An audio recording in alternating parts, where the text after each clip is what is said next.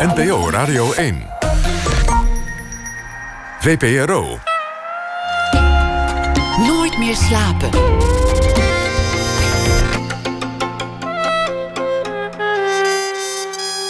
Met Pieter van der Wielen. Goedenacht en welkom bij Nooit meer slapen. En de volgende dag ligt er een ander in datzelfde bed en de meubels dragen niet eens jouw verleden. Bas Kwakman heeft om die reden een fascinatie voor hotelkamers. Hij is dichter en organisator van een groot internationaal dichtersfestival. Dus hij heeft veel van die hotelkamers wel beslapen en schreef een boek Hotelkamerverhalen. Vol ongedierte, dronken dichters, maar ook mooie herinneringen. Na ene is hij op bezoek. Zangeres Nienke Laverman hoort u dan ook en Ivo Victoria, schrijver van Vlaamse Komaf zal deze week elke nacht een verhaal voordragen. En dat doet hij ook vandaag. We beginnen met Leendert Pot. Anne en Jean-Paul heet de film die hij maakte over zijn zus Anne en haar vriend Jean-Paul.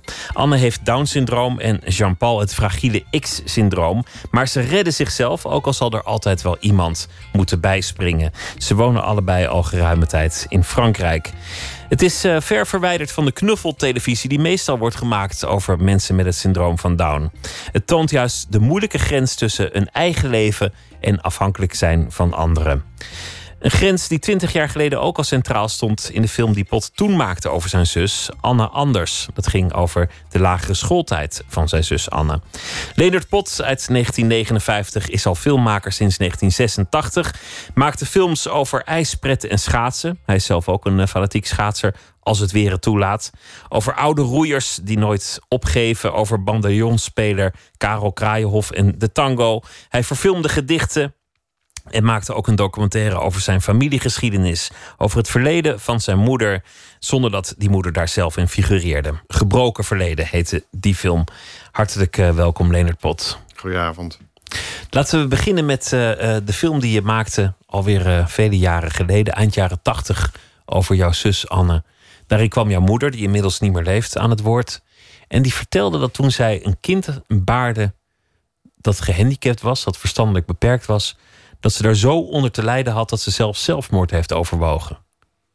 Ja, ik, ik denk dat dat als je daar totaal niet op voorbereid bent en dat je dan even helemaal van de kaart bent.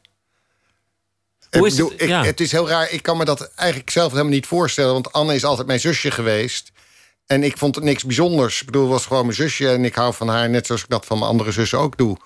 Dus dat dat dat voor haar zo moeilijk was, kan ik me al bijna niet voorstellen. Want waarom, uh, wat, wat, is, wat is er mis met dat heerlijke kind? Hoe is het om dat te filmen? Want, want je bent op dat moment ook een beetje in de rol van een filmmaker... die, die bezig is met een, een verhaal vertellen.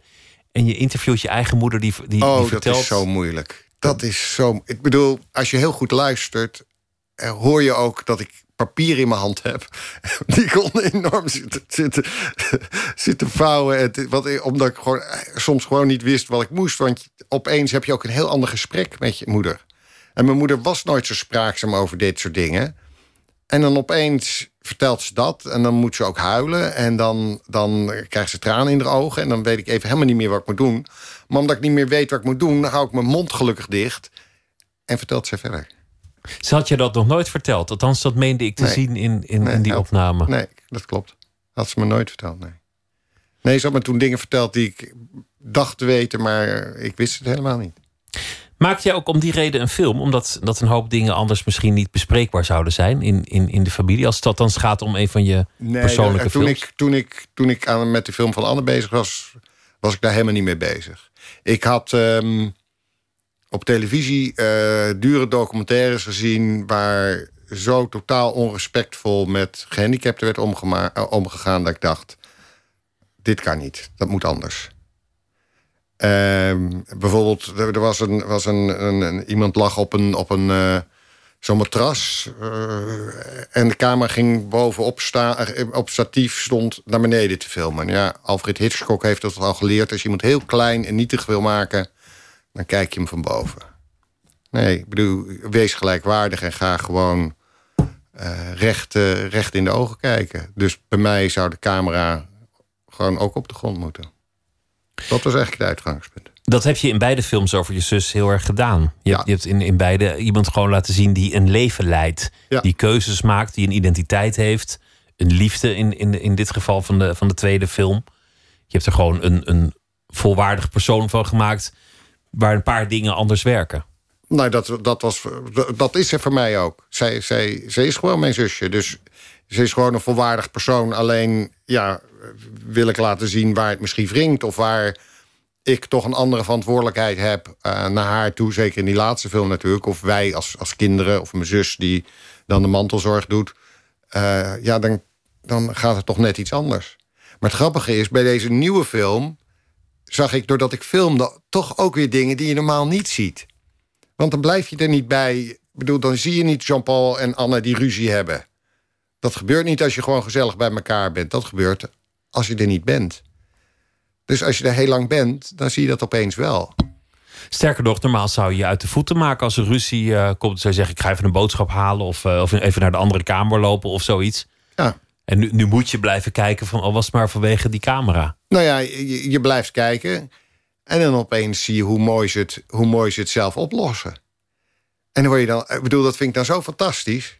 Dan denk ik, ja, wat is nou eigenlijk het verschil dat als ik ruzie met mijn vriendin heb, gaat het nou echt anders? Nee, het leidt gewoon letterlijk, letterlijk op hoe ik het zelf ook doe. En waarschijnlijk jij ook. In het, in het begin, hè, de, de, de, de film eind jaren tachtig, dan, dat was ook een heel andere tijd dat Anne opgroeide. In, die, in de jaren zestig, dan ging je als uh, zwakbegaafde, verstandelijk gehandicapte, hoe je het ook noemt, ging je naar wat toen heette de debiele school. Ja. Een, woord waar je nu een beetje van schrikt als je het hoort, maar zo heette dat toen, de debiele school. En in die film uh, vertel je iets, althans jouw moeder vertelt het, wat ik ontzettend logisch vond, maar nooit over had nagedacht. Het ging niet goed met Anne, want op de debiele school groeide ze op tussen andere verstandelijk gehandicapten, of in die tijd zou dat heten andere debielen, en die ging ze imiteren. Ja, dus daar word je debiel van. Zij, zij zat ook tussen, eh, tussen kinderen die, die niet konden lopen. Dus ging ze dat niet lopen nadoen. Dus kon ze niet meer lopen. Ik bedoel, zij kopieerde, zoals natuurlijk een heleboel kinderen... kopieerden gewoon wat ze zagen. Daar leerden ze van. En ze zat eerst met ons te spelen, daar leerden ze van. En nu opeens zat ze tussen andere kinderen. Nou ja, die konden niet lopen, dus die, die struikelden. Dus dan ging ze ook struikelen. En ze ging raar praten en ze ging uh, gedragsstoornissen vertonen die ze nog niet had gehad. Ja. Kortom, ze ging het, het, alles wat je maar kunt mankeren, imiteren, want dat was wat ze, wat ze zag. Wat ze zag. Ja, en daar schrok mijn moeder uh, zich wezenloos van. En die dacht toen, gaan het in ieder geval niet zo doen. We gaan het anders doen.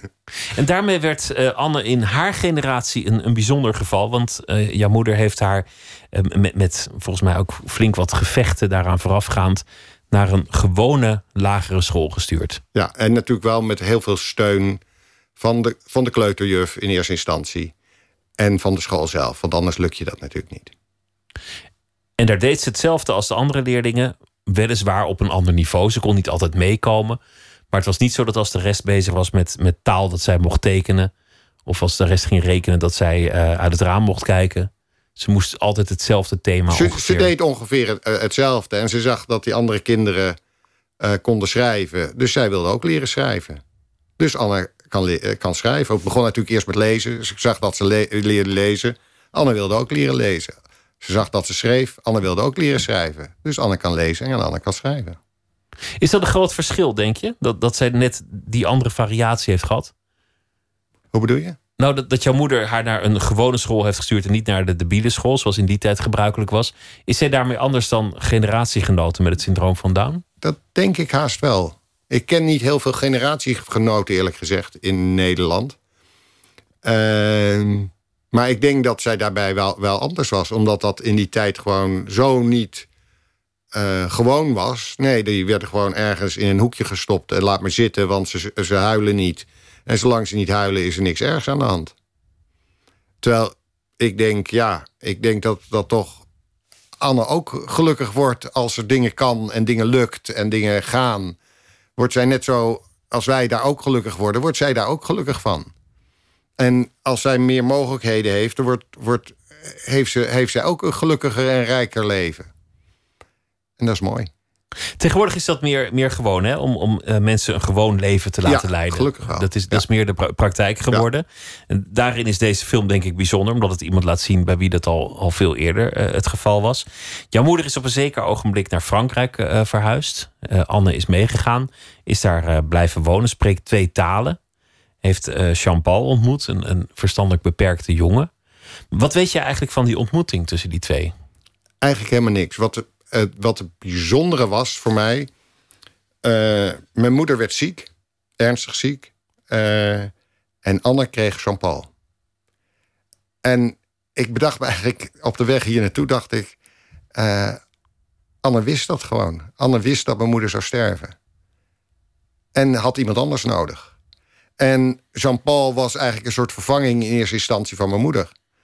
En in het begin leverde dat wel heel veel problemen op. Want ja, Jean-Paul kon niet zoveel. En ging nogal wat mis bij Jean-Paul. Maar wat, wat Jean-Paul zei was waar.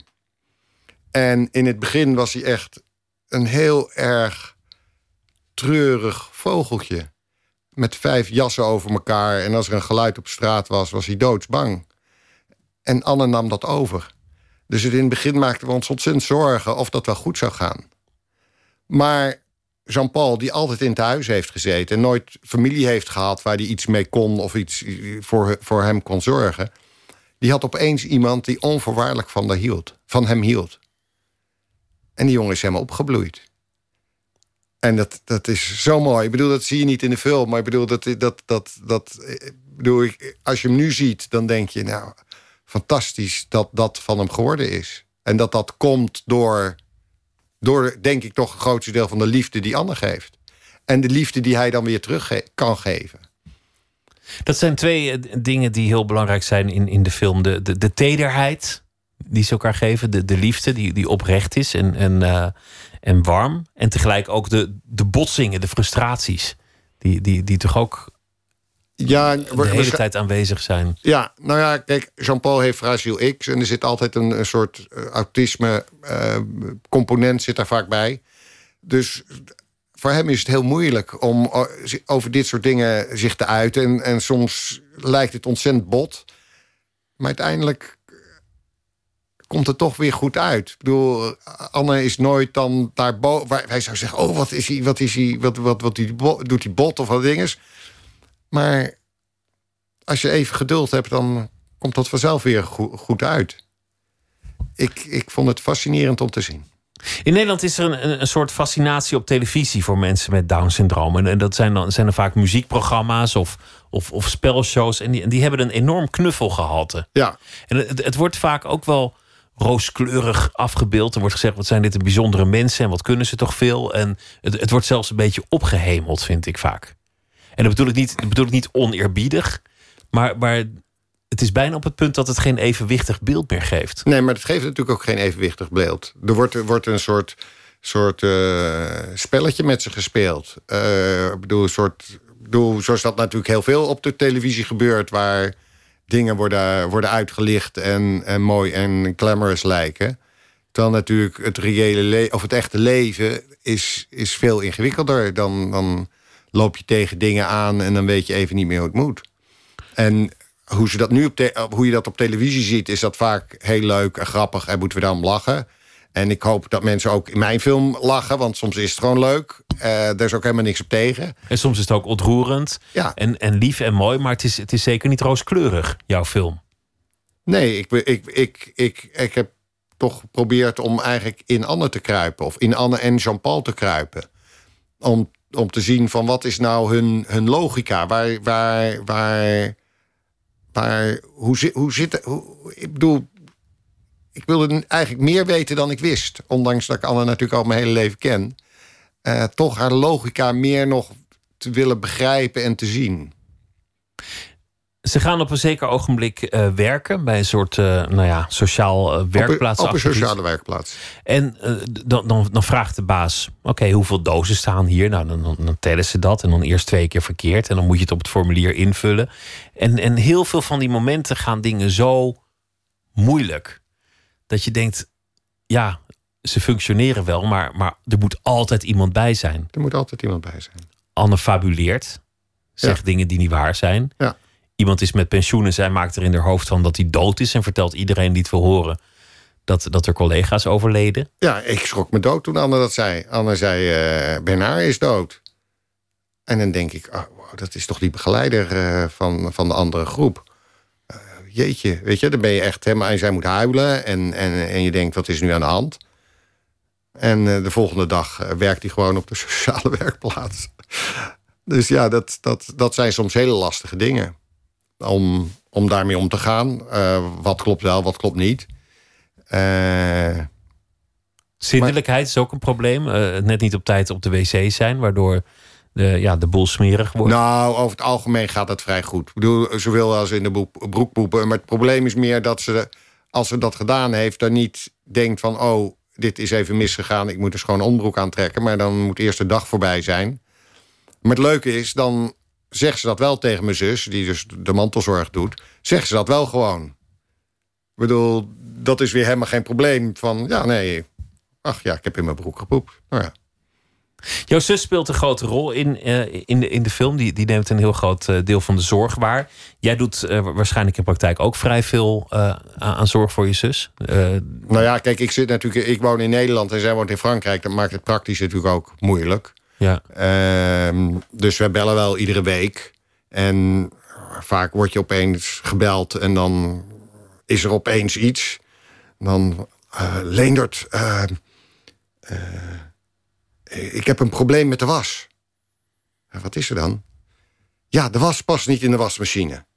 Ik zei, nou, dan doe je, splits je hem in twee. Doe je eerst de ene beet en dan het andere. Oh ja! Nou, dan legt ze neer en dan, dan gaat het weer goed. Er moet altijd iemand helpen, maar tegelijk is, is er wel degelijk ook... en, en dat, dat is volgens mij de schoonheid van de film ook hoewel het geleidelijk komt, is er wel degelijk een zelfstandigheid. Dingen lukken wel degelijk als er maar iemand helpt. Ja, nou ja, nee, ik, wat het, het allerbelangrijkste is, voor een gevoel is er zelfstandigheid. Zij, zij hebben het gevoel, wij wonen, dit is ons fletje, hier wonen wij. En wij bepalen wat er gebeurt. Ze hebben een leven. Ze hebben een leven. En zij bepalen het. En Jean-Paul heeft het idee van die begeleiders uit het tehuis... Waar, die altijd me tegen me aan bemoeiden. Ik bepaal wanneer ik naar bed ga. Ik kijk naar welke televisies. Anne kookt wat. Uh, en dan kookt ze heerlijk. Ik vind het fantastisch wat Anne kookt.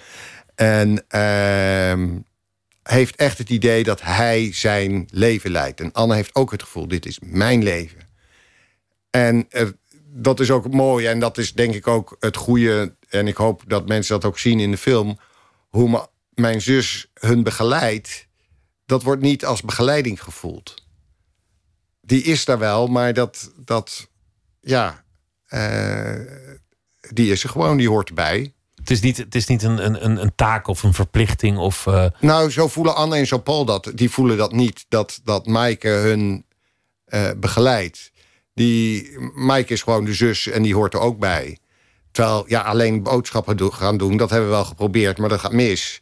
Dus Maaike moet altijd mee boodschappen doen. Maar zij voelen niet dat als, als, als begeleiding. Opletten met, met het koken, omdat zo'n hele fles slaasaus nog wel eens gewoon in de salade kan verdwijnen. Kan en, hele sla, hele, en dan geleidelijk aan wordt iedereen wat dikker. En dan, dan moet je zich afvragen: wat is de bron van deze plotselinge vetzucht? Ja. Dus dan, nou ja, een van de dingen die ik bijvoorbeeld, eh, dan ken ik mijn taak. Iedere week vraag ik aan Anne hoeveel ze weegt. Dat schrijft ze trouw. Iedere ochtend weegt ze zichzelf, schrijft ze het prachtig op. En dan uh, zeggen ze: Oh, Leendert, het is een groot probleem. Ik ben 68-1. En dan zeg ik: Nou, dat valt toch wel mee. Want de vorige week was hij uh, ehm, 67-9. en dan is het geen probleem. Maar 68-1 is wel een probleem. Heb je deze film gemaakt met, met een boodschap? Wil die iets zeggen? Uh, want, want ik zou er wel boodschappen uit kunnen halen. Maar ik weet niet in hoeverre jij die erin hebt gelegd. Nou, ik denk dat heel veel waar we het nu al over gehad hebben, wil ik erin leggen. Namelijk dat, dat uh, Anne en Jean-Paul een zo normaal mogelijk leven moeten kunnen leiden. En dat je, dat je probeert uh, iedereen als gewoon mens te, te behandelen. En niet als Hitchcock op de rand van het bed staan en iemand van bovenaf filmen als iets heel kleins. Ja, en als je kijkt hoe, hoe geduldig Maaike hun begeleidt en uitlegt van bedoel, Jean-Paul komt bij Anne, eh, die, die, die, die, die komt met zijn, zijn, zijn hele hebben en houden daar wonen en heeft enorme stapels met kleren. Die heeft nooit iemand zijn kleren uitgezocht. En Maaike gaat dat gewoon heel langzaam gaat die uitzoeken. En ik heb tien enorme vuilniszakken. Uh, niet van die kleine vuilniszakjes, maar die hele grote kleren van hem weggegooid en uh, weggebracht. Had nooit iemand uh, uitgezocht. Ik wil het straks ook hebben over de rest van je oeuvre als, als filmmaker. En kijken of we daar een paar thema's uit kunnen distilleren. Maar eerst uh, Seu Georgia, vooral bekend geworden vanwege zijn soundtrack voor de film The Life Aquatic. En daarin deed hij alleen maar Braziliaans getinte covers van David Bowie. En dit is zijn versie van Starman. In het Portugees heet dat O Astronauta de Marmore.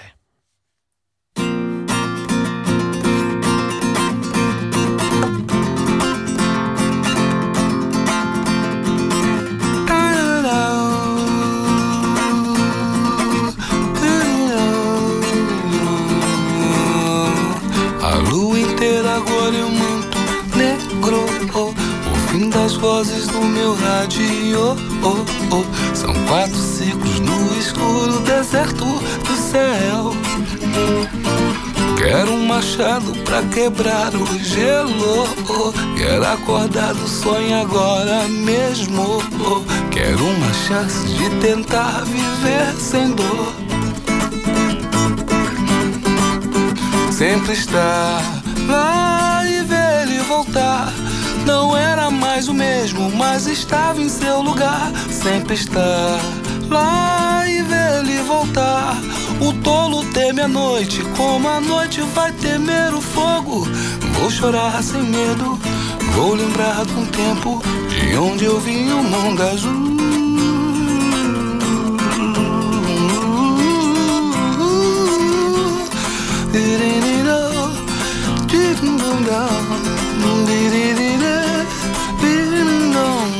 Trajetória escapa o risco nu. Uh, uh. As nuvens queimam o céu, nariz azul. Desculpe, estranho, eu voltei mais puro do céu.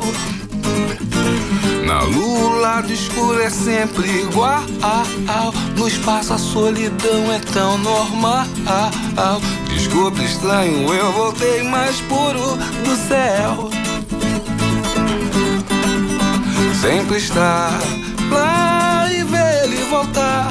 Não era mais o mesmo, mas estava em seu lugar. Sempre estar lá e ver ele voltar. O tolo teme a noite, como a noite vai temer o fogo. Eu vou chorar sem medo, vou lembrar do tempo de onde eu vi o mundo azul estar lá e ver ele voltar. Não era mais o mesmo, mas estava em seu lugar. Sempre estar lá voltar. O tolo teme a noite, como a noite vai temer o fogo. Eu vou chorar sem medo, eu vou lembrar do tempo de onde eu vi o mundo azul.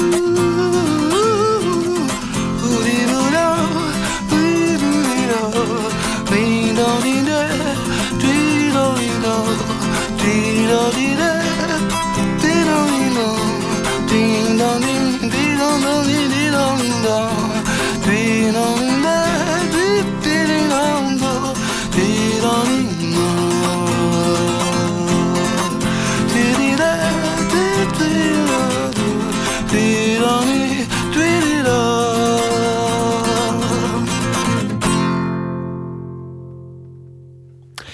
Theo George en uh, 1 juni zal die optreden in de Melkweg in Amsterdam. Met een uh, uitvoering was dit van David Bowie. En dat zal hij ook daar in de Melkweg doen. Veel nummers van uh, Bowie vertalen. Leonard Pot zit tegenover mij naar aanleiding van de film Anne en Jean-Paul Onze Wereld. Die hij heeft gemaakt over zijn zusje. Je um, werd niet meteen filmmaker. Je hebt, je hebt filosofie gestudeerd. Je hebt je wel ooit aangemeld voor de filmacademie, maar dan moet je auditie doen. En bij de filmacademie zeiden ze: Nou, je bent er nog niet. Dit gaan we, dit gaan we niet doen. Later kreeg je een tweede kans, maar die, die heb je niet gegrepen. Nou, de eerste keer werd ik inderdaad afgewezen. Waarschijnlijk heel geheel terecht. Tweede keer kon ik uh, met uh, Kaal Krijnhof uh, naar Uruguay en Argentinië... om voor de Wandelende Tak, uh, VPRO radioprogramma... eh, vier programma's te maken over tango muziek. En ik dacht, dat is een geweldige ervaring die, waar je als filmmaker ook iets aan hebt. En toen wilde ik het eh, kijken of ik iets kon regelen dat ik de toelating wat later ging doen. Nou, dat vonden ze zo zo'n gek idee. Toen dacht ik, nou, als dat niet eens kan op zo'n opleiding, hoef ik er ook niet heen. Dat doe je het zelf wel. Dan doe ik het zelf wel. En je hebt het ook zelf gedaan. En ik heb het ook zelf gedaan. Veel van jouw films gaan over doorzetters. Deze film over je zus gaat over iemand die, die tegen de, de stroom in uh, roeit. Je hebt ook een film over oude roeiers gemaakt... die, die ondanks hun vorderende leeftijd en aftakelende lichaam... toch blijven roeien. Die, die een soort heilig vuur daarin hebben. Schaatsers die, uh, die dun ijs trotseren... maar ook bar klimaat en pijnlijke benen. En, en zo kan ik nog gewoon een paar films noemen die je hebt gemaakt... Waar, waarin dat thema van de ontbering en het doorzetten... vaak een rol lijkt te spelen. Nou, ik bedoel, ik, ik heb daar wel zeker een fascinatie voor. Maar tegelijkertijd heel erg bijvoorbeeld bij de roeifilm... is voor mij ook heel erg dat je voelt dat ondanks de hoge leeftijd... dat je heel erg je best voor iets doet. Je echt inzet voor iets. Daar word je gelukkig van. Deze mensen voelen het ook niet als, als, als zich inzetten. Die zijn het allergelukkigste als ze daar die, die, die pedals in hun handen hebben. En, uh, en het lukt. En lekker door het water. En dat door, door het water gaat. Daar worden ze het gelukkigst van. En, en dus dat als je dat dus doet op je 86ste... en je, en je, en je, je, je glijdt zo over het water heen... dat is toch fantastisch. Je bent zelf ook een, een, een fietser en een schaatser. Dus ook wel iemand die, die uh, het opzoekt... om tegen hellingen en winden in te, te bewegen. Ja, nee, ik bedoel, dat, fietsen of bewegen heb ik, heb ik ook echt nodig... om mijn hoofd leeg te maken en nieuwe ideeën idee te bedenken. Maar ik vind het ook gewoon heerlijk om te doen. En bedoel, dat was ook een van de redenen waarom ik die schaatsfilm uh, wilde maken. Ik ben gewoon, ja, uh, zoals je zei, het gaat over uh, mensen die over flinterdun ijs gaan. En ik ben een van die gekken die dat doet. En ja, dan neem ik maar mijn camera mee. En heb dat 13 jaar gedaan. En daar is toen een film, film uitgekomen. Over de omstandigheid die steeds minder voorkomt, namelijk uh, natuurijs. De, de, ja, zo vaak hebben we dat niet meer in Nederland. Ja, dat je... Een paar weken geleden konden we nog schaatsen. Dus, maar, maar, hele lange tochten? Of? Niet hele lange tochten, maar het, het, het, het ging. Het was, uh, ik heb een paar mooie, mooie stukken geschaatst.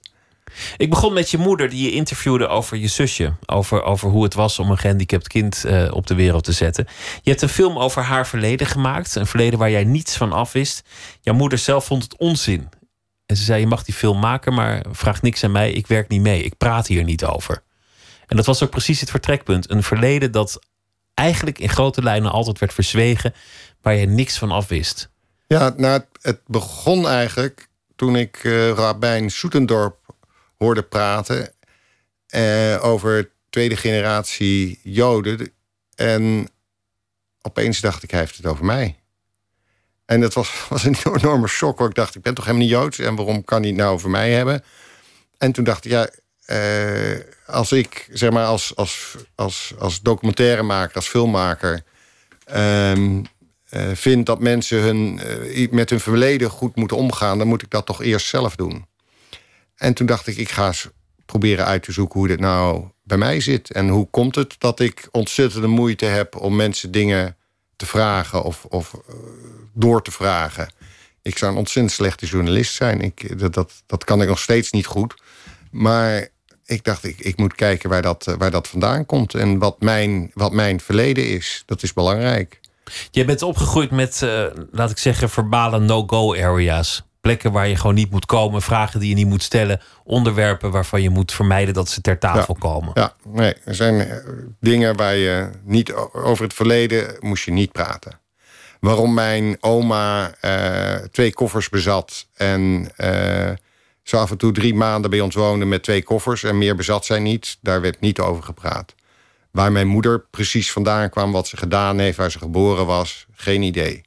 Wie uh, de vader was van mijn broer, geen idee. En op een gegeven moment dacht ik, dit is te gek, dit, dit, dit, dit kan niet. Hoe heeft dat jouw karakter gevormd? Waarin liep jij vast als je dat verleden niet leerde kennen? Nou, in, in relaties. Dat je, dat, je, dat je toch heel lastig is om, om uh, tot de kern van iemand. Dat ik, wel, ik bedoel, ik, ik, ik praatte dan wel zelf. Ik bedoel, ik vertelde zelf wel. Maar ik vroeg niet. Dus je leerde je partner nooit kennen of, of gaf in ieder geval niet het gevoel dat, dat er aandacht was. Ja, en, en nou ja, dat werd mij dan ook wel verweten van... Uh, ja, jij vraagt nooit wat. wat. Wat, wat. wil je eigenlijk nou van mij? En toen dacht ik, nou ja, als ik dit eh, zo geleerd heb... dan moet ik dat ook weer kunnen afleren. En dat deed je met een camera in de hand? Dat doe ik dan met de camera in de hand, ja. Dan heb je een rol, dan heb je een functie... een soort veiligheid misschien ook? Ja, nee, zo, zo, als je het psychologiseert zou je het zo kunnen zeggen, ja. En het was een mooi onderwerp natuurlijk. Je bent uh, op zoek nou, gegaan naar de plek waar jouw moeder uh, was opgegroeid. Dat wist je dan in ieder geval in, in Tsjechië. Nou, kijk, ik um, kende ook haar familie niet. Dus, uh, en mijn, oh, mijn ouders waren gescheiden en daarna is mijn vader gestorven ik wist eigenlijk ook, ik wist wel wie mijn vader was, maar ook zijn geschiedenis kende ik niet. En waarom, die, waarom ze getrouwd waren, wist ik eigenlijk ook niet. En op een gegeven moment kwam opeens mijn tante uit Wenen kwam op bezoek. En toen dacht ik, ik moet er meteen heen. Dus ik meteen naar Frankrijk. En het eerste wat mijn tante zei, zei... Genau zo charmant wie dein vader. En toen dacht ik, oeps, ik lijk op mijn vader. Dat is interessant. Uh, en toen heb ik haar heel veel gevraagd. En zij vertelde wel. Dus zij vertelde waar ze vandaan kwamen. Zij vertelde over de broer die mijn moeder niet meer zag. Ik dacht, daar ga ik heen. En het is natuurlijk heel raar. Dan ga ik naar, naar, naar de broer van mijn moeder. En uh, die was uh, Duitse elite-soldaat. En ben ik daar en dan denk ik... oké, ik heet Leendert Pot. Ik ben vernoemd naar de beroemde verzetsheld, de broer van mijn vader. Uh, en hier zit je met een oud natie aan tafel die je oom is. Ja. Dus je hebt eigenlijk twee ooms. Namelijk één oom die, die verzetsheld was. Een, een beroemde verzetsheld. Daar komen we straks ook nog over te spreken wie dat precies was.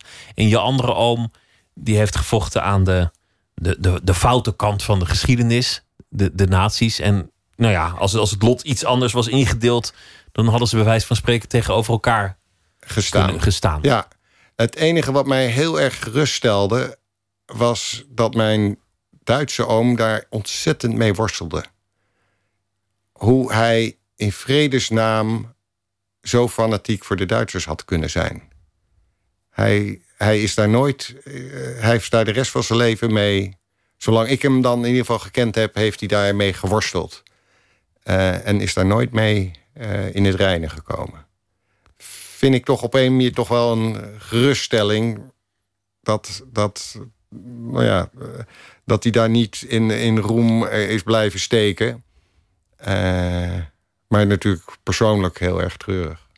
Jouw moeder groeide op in, voor een deel in Tsjechië, waar op een zeker ogenblik de Duitsers binnenvielen. In Tsjechoslowakije. Tsjechoslowakije toen nog, ja. En vervolgens is ze naar Duitsland vertrokken. Daar heeft ze een, eh, een, een leven opgebouwd.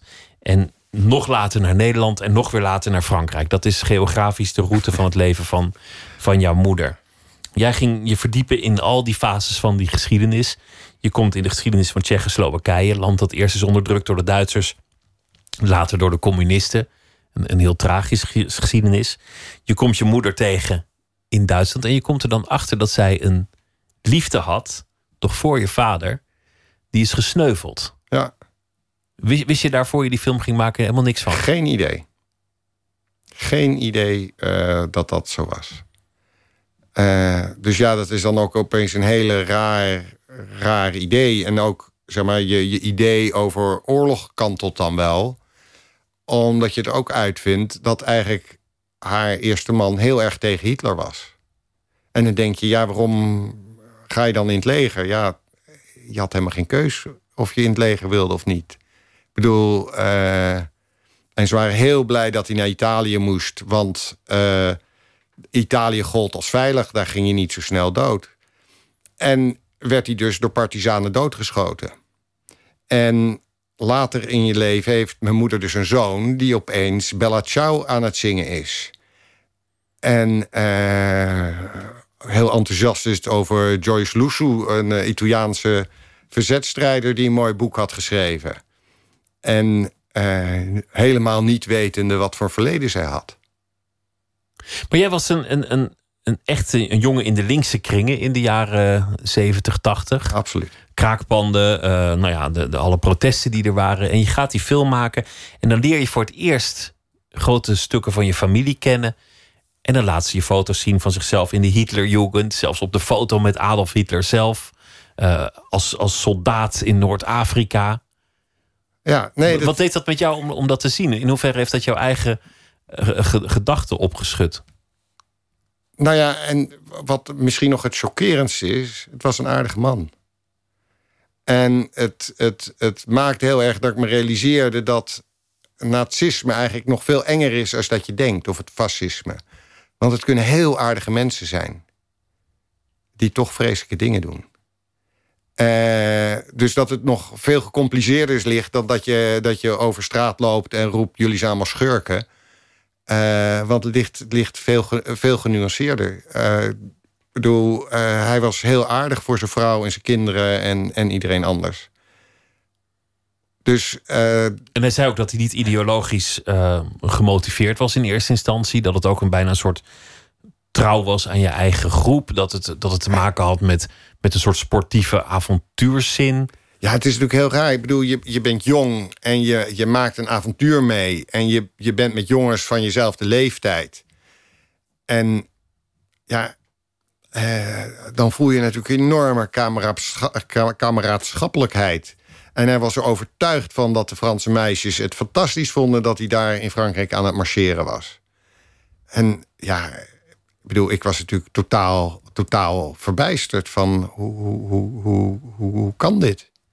En hij, voor hem was het natuurlijk ook een, een, een, een shock, want opeens staat daar zijn Nederlandse neef voor de deur, die natuurlijk anders in de geschiedenis staat als hij zelf.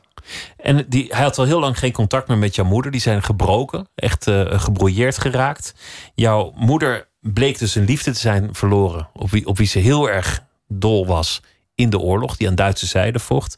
Daarna wordt ze verliefd en krijgt een kind van een Fransman, die, die na de uh, bevrijding en bezetting van Duitsland weer uh, daar gestationeerd is.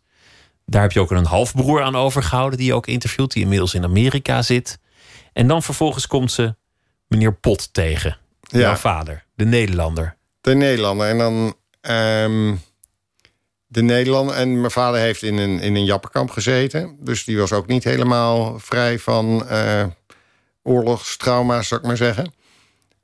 En dat is natuurlijk een. Ja. Uh, zo begon ook mijn vraag van. Wat hebben die mensen samen gehad? Wat, waar, waar was het wat, wat, ze, wat ze bond? Eigenlijk alle kanten van die oorlog zijn verenigd in jouw familie. Gek, hè? Alle ja. zijden, alle, alle hoeken, alle rangen, alle standen. Maar jouw moeder die, die vertrekt naar Nederland en die breekt met haar familie. Maar die laat ook dat verleden totaal rusten. Alles wordt verzwegen, alles wordt opgeborgen, alles mag niet bestaan hebben. Ja. Wat is dat voor strategie geweest? Nou ja, uh, heel hard weglopen als er problemen zijn. Mijn moeder was een ontzettende sterke uh, vrouw die uh, heel slim, intellectueel. in mijn ogen kon ze alles. Uh, maar op het persoonlijke vlak uh, ging het wat, uh, wat moeilijker, zou ik maar zeggen. en ja, ik bedoel, zij ging naar Frankrijk en is nooit meer in Nederland geweest. Nooit meer één keer teruggekeerd, niet voor de kerst, wat dan ook? Nee, helemaal niks. Waarom wilde ze zo graag naar Frankrijk? Nou ja, uh, mijn ouders gingen scheiden. En mijn vader wou het huis waarin we woonden verkopen. Um, Anne kwam van de lagere school af. En er was niks voor haar. Er was niks voorbereid voor iemand met Down-syndroom... die van de lagere school afkwam. En omdat zij daar als gewoon kind zat... Uh, moest zij, zonder aangemeld te zijn van iets speciaals... moest zij gewoon, zoals ieder kind, op de veertiende van de lagere school af. En toen was er niks. En toen dacht mijn moeder, nou ja, in Frankrijk kan het niet erger zijn. En uh, daar hadden we een vakantiehuis. Dus ze zei, ik ga in Frankrijk wonen. Wat ik op dat moment weer heel erg mooi vond... dat iemand iets had van, ik laat me niet kisten. Ik begin gewoon opnieuw. En dat heeft ze ook gedaan. Als het hier niet lukt, dan proberen we het daar wel. Dit is zo'n beetje waar de film, en dan heb ik het heel snel gedaan... ophoudt. Maar dan hebben, hebben we ook nog die kant van je vader. Je vader had in een jappenkamp gezeten en daar Ja. vermoedelijk traumatische dingen meegemaakt. Ik denk het. Maar dat weet je niet. Ik heb er geen idee van. Ik weet daar heel weinig van. Dus misschien wordt het wel eens tijd dat ik een eh, film over mijn vader ga maken. Mijn vader zat, eh, zat in, de, in, in de rubber. En ehm, ehm, Joshua Oppenheimer heeft twee van die prachtige... Nou, prachtig is misschien het verkeerde woord... maar zeer indrukwekkende documentaires over Indonesië gemaakt. Ehm, en bij het ITVA eh, was hij aanwezig. En toen zei hij... eh, ik kom toevallig in Indonesië en maak deze film. Ik bedoel, het was echt toeval dat hij, dat hij op, dit onderwerp, op dat onderwerp stuitte. Was dat die film The, The Act of Killing? De Act of Killing en de ehm, Act of Silence heette die, die andere iets met Silence. Eh, echt ongelooflijke films. En ook waanzinnig gemaakt. Maar opmerkelijk dat een, een film over dat verleden niet door een Nederlander of, of niet door dat is een precies wat, wat, Indonesiër gemaakt is. dat is precies wat hij zei. En toen dacht ik, hij heeft gelijk. Dus toen zat ik, dacht ik wel misschien van... mm, misschien moet ik maar zo'n film over rubber maken. En dan eigenlijk op zoek gaan wat mijn vader nou eigenlijk deed. Als je film maakt over je vader, zul je niet aan die oom ontkomen die, die jouw naam droeg, Ja. Leendert Pot. Een verzetstrijder met, met, met een, een bijzondere geschiedenis. Maar het begon met dat hij zich gewoon eens ging verdiepen in, in legers. In hoe je een leger opbouwt en, en hoe wapens eruit zien. Dat hij gewoon naar de bibliotheek ging en zich in de, in de krijgsleer ging verdiepen. Wat, wat was daar de gedachte achter? Ik weet het niet. Ik bedoel, nu o- o- overvraag je me ook een beetje. Eh, want eh, zo heel goed kende ik hem, eh, kende ik hem niet. Het verhaal is, is dat, hij, dat hij zich ging verdiepen in hoe een leger opbouwde. En daardoor goed kon kijken naar de Duitse verdedigingslinies en de, en de Atlantiekwal. Die informatie ging doorspelen. Ja, hij fietste naar- door het naar land Engelsen. heen en, en, en observeerde wat, eh, wat de Duitsers deden. En gaf dat door eh, aan, eh, aan Londen. Tot hij op een dag werd opgepakt. Ja. Toen is hij eh, wonderlijk genoeg ontsnapt en Ja, weggekomen via Zweden naar Engeland. ja, toen heeft hij nog, eh, toen zijn mijn opa en oma nog eh, gearresteerd geweest om proberen de druk op te doen, maar die zijn toen een tijdje weer vrijgelaten. En in Londen kreeg hij het aan de, aan de stok met de Nederlandse regering in ballingschap. Omdat hij doorhad Hij had door hoe dat, het. dat het niet goed ging met alle gedropte Ja. verzetshelden die, Oh, die terug ja. in Nederland werden uitgezet. hij had waarschijnlijk beter door dan wie dan ook eh, hoe het Engeland spiel in elkaar zat.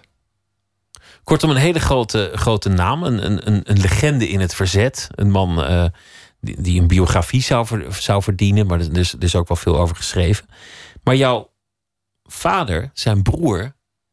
Ja, die, die had een veel minder heldhaftig verhaal. Ja, nee, dat, dat is natuurlijk denk ik een, een, een, een, een, een eh, treurigheid. Van je komt, komt uit een jappenkamp en eh, je maakt weet, weet niet wat, wat mee. En je komt terug in Nederland en het stelt helemaal niks voor. Want de broer is de grote held. Eh, wat hij natuurlijk ook was. Ehm, maar ik denk dat zeker in die tijd, eh, ook als je het in het algemeen kijkt, werd natuurlijk naar dat verhaal van mensen die uit, uit Nederlands-Indië kwamen, werd niet naar geluisterd. Dat was ver weg. En dan ook nog niet een verhaal van een held, maar van een slachtoffer. En ik denk dat in die tijd de heldenverhalen beter lagen. Tuurlijk lagen de heldenverhalen beter. En als je het eh, psychologisch bekijkt, is dat misschien ook een goede reden geweest om met mijn moeder eh, te trouwen. Eh, toch een soort van. ik durf wel met een Duitse vrouw. Jouw moeder ging ook een beetje het verzet in, want volgens jouw oma althans kreeg ze een enorme hekel aan Duitsland. En, en, en was ze echt een fel anti-Duits. En, en dat had ook met die oorlog te maken. zei nou ja, kijk, mijn, mijn, eh, mijn, mijn oom was, was nogal rechts en zij was nogal links. En eh, ik denk dat het ook zijn manier was om, om te verklaren waarom het zo verkeerd is gegaan tussen hun. En eh, dat is het enige wat hij kon, kon bedenken, denk ik. Dat is ook misschien iets dat, dat buiten hemzelf ligt. Iets wat buiten hemzelf ligt en waar hij eigenlijk misschien niks aan kon doen. Een comfortabele theorie. dus. Eh, terwijl hij natuurlijk ook even in de auto had kunnen stappen en kunnen, eh, kunnen zeggen van... Goh, eh, dit is toch wel heel dom. Eh, als kinderen konden we het zo goed op, met elkaar vinden. Laten, we, laten we verder gaan. Die film over je, je vader en die kant van de familie, die, die zal volgens mij nog komen. Ik hoop het. Laten we luisteren naar Hooray for the Riff Raff, een Amerikaanse band. En dit nummer heet The Navigator. Today I feel weak, but tomorrow I feel a queen. I was raised by the street. Do you know what that really means? All the hurt I've suffered, it just begins again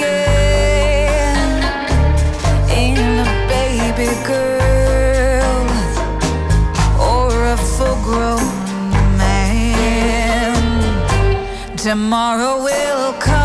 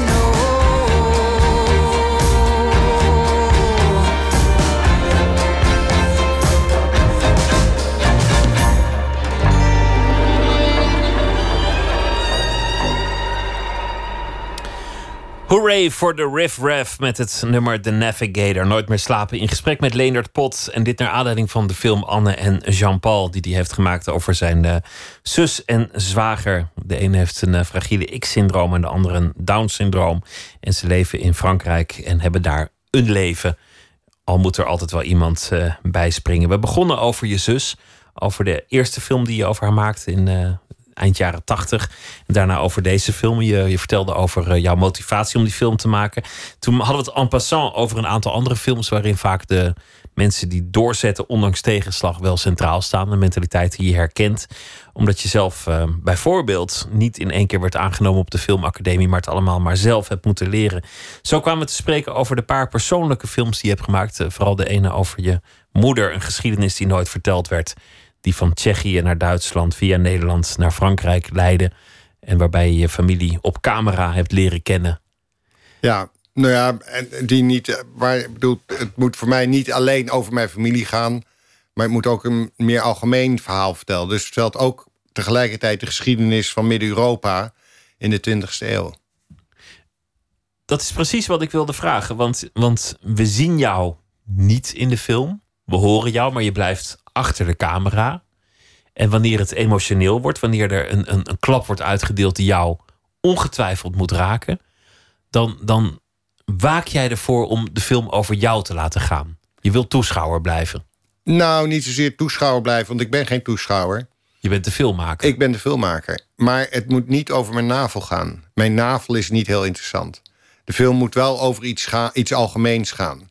Eh, eh, en ik hou ervan om, om zeg maar deze algemene dingen een persoonlijke ingang te geven. Dus dat, het, dat, dat, dat je ook de, voelt, de, de noodzaak voelt als de maker waarom die gemaakt moet worden.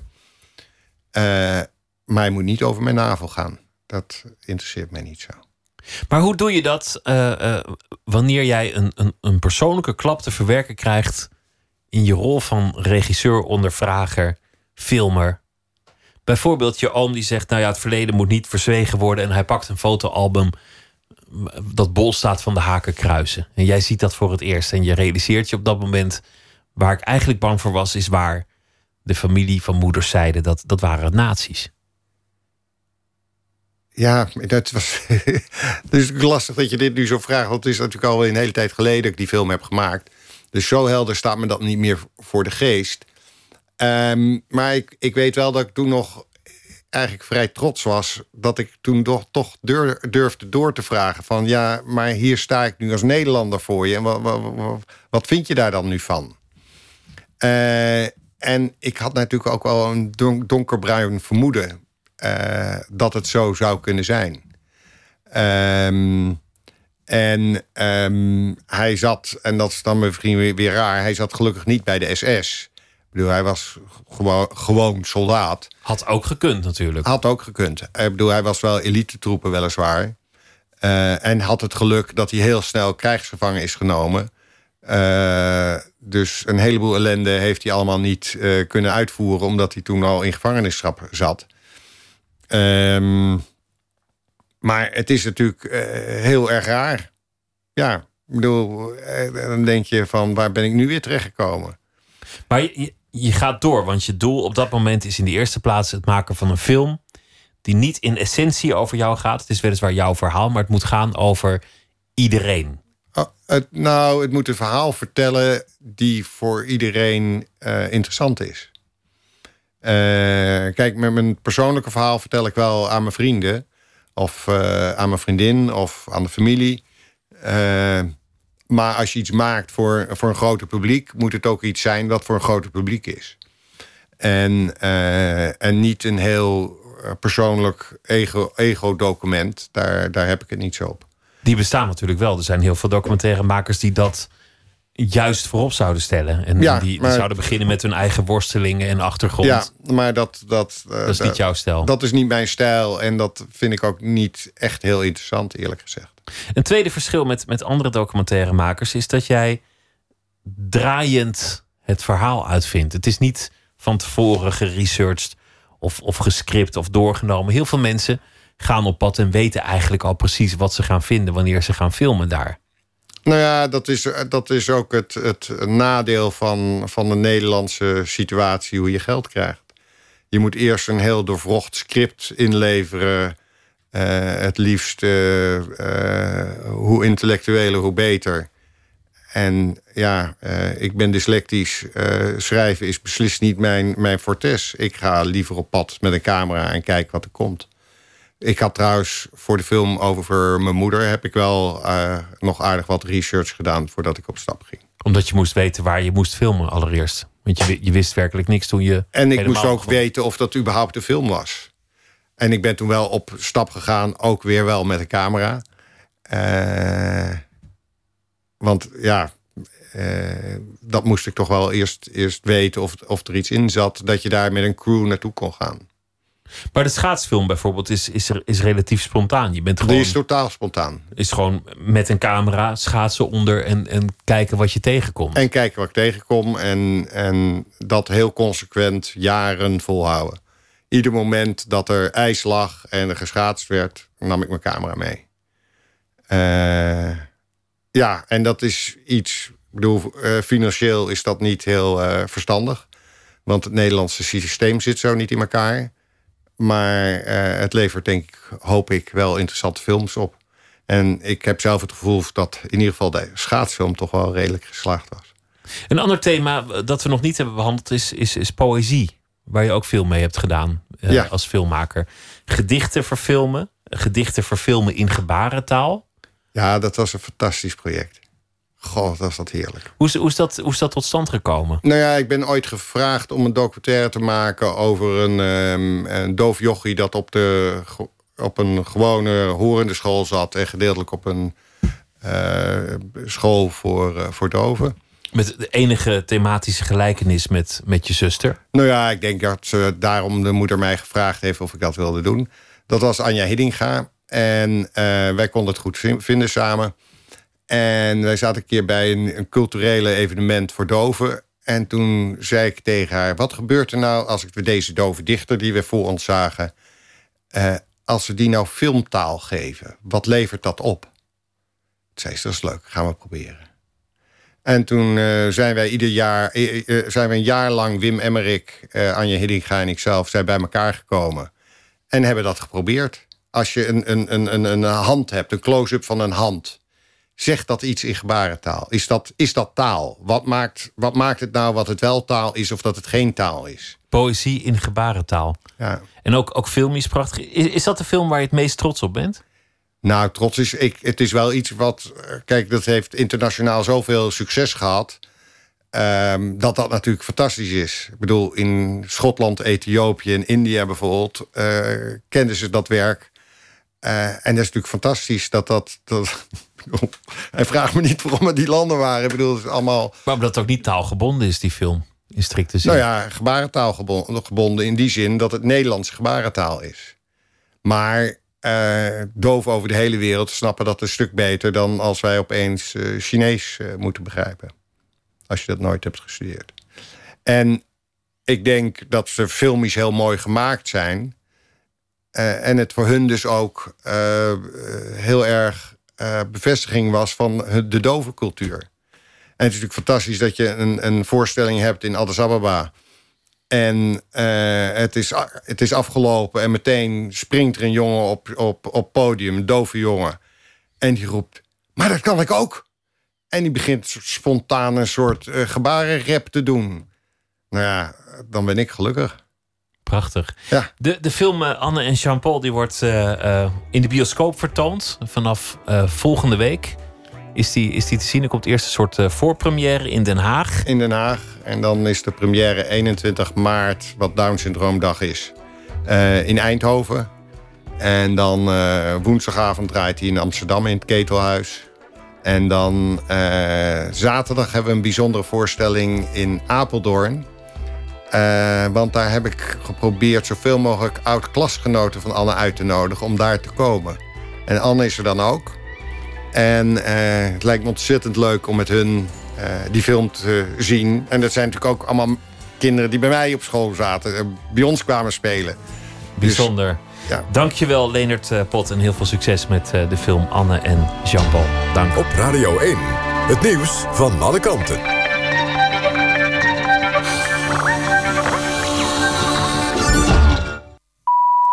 Eén uur, Kirsten Klomp met het NOS-journaal. De pro-Turkse demonstratie die morgen in Rotterdam zou worden gehouden... gaat niet door. Burgemeester Abu Taleb had al toestemming gegeven voor de demonstratie... tegen het politieoptreden van afgelopen zaterdag bij het Turkse consulaat.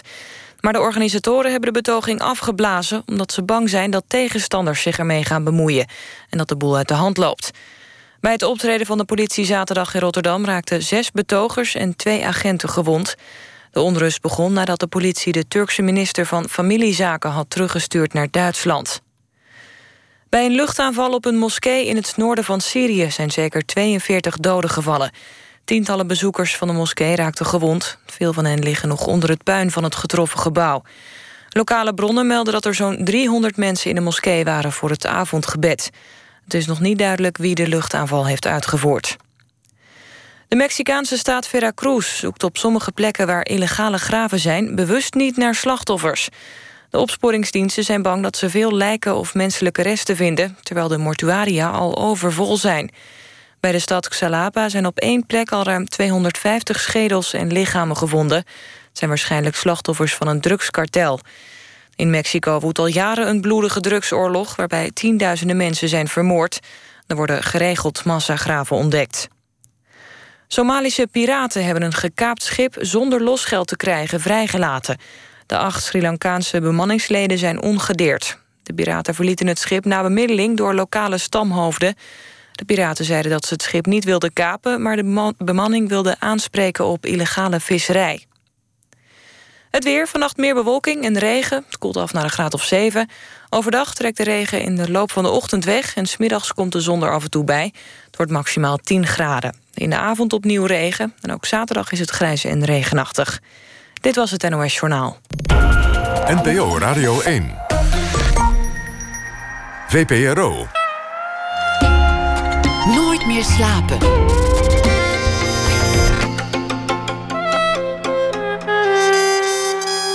Met Pieter van der Wielen. In de reeks Made in Europe gaat Dimitri Verhulst op zoek naar de essentie van de Europese cultuur. Komende zondag gaat het over het verlangen. Een thema dat we bespreken met zangeres Nienke Laverman. Die onder meer verantwoordelijk was voor de Friese variant op de Fado. Bas Kwakman is eh, kunstenaar, schrijver en directeur van Poetry International. Een Rotterdams dichtersfestival. En hij eh, komt zodoende vaak in hotelkamers. Daar maakte hij een debuut proza-bundel van hotelkamerverhalen. Komt hij zo over vertellen. En Ivo Victoria heeft een verhaal bij de voorbije dag. Maar nu het culturele nieuws.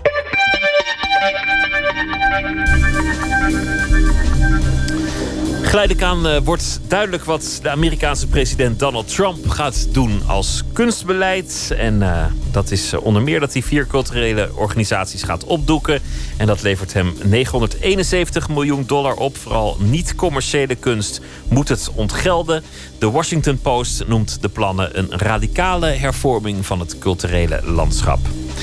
De memoires van Michelle en Barack Obama zullen ook in Nederland worden uitgebracht en vertaald worden. Uitgeverij Diep gaat het eh, doen, die gaat het uitgeven. Literair agent Paul Sebes wil geen bedragen noemen, maar noemt het eh, binnenhalen van de rechten de grootste deal die hij ooit in zijn loopbaan gesloten he- heeft. Geen letter staat er vooralsnog op papier en het is de bedoeling dat het allemaal uitkomt in het jaar 2018. Netflix gaat de laatste onvoltooide film van Orson Welles afmaken. Welles werd beroemd vanwege meesterwerken als Citizen Kane. Deze film, The Other Side of the World, schreef en regisseerde hij begin jaren 70. Het gaat om een satire over een regisseur die worstelt met het voltooien van zijn laatste film. Vanwege productieproblemen en ruzie met de geldschieter is die nooit afgekomen. Maar nu, 30 jaar later, gaat het er toch zeker van komen. Al in 2005 werden voor het eerst plannen gesmeed voor een openbaar depot van het Museum Boijmans van Beuningen in Rotterdam. Het museum koos voor een openbaar gebouw waar alles te zien moet zijn. Morgen gaat eindelijk de eerste paal in de grond. En aan de telefoon heb ik nu de directeur van Boijmans, Charles X. Goeienacht. Goeienacht. Een openbaar depot, wat moet ik me daar toch bij voorstellen? Dat is een eh, depot zoals elk ander, maar je mag erin als je dat leuk vindt. En dat geldt voor iedereen in het publiek die daar belangstelling voor heeft. Het is niet een museum, want, want eigenlijk is een museum al een soort openbaar depot. Ja, Als je nee, het echt mooi doet.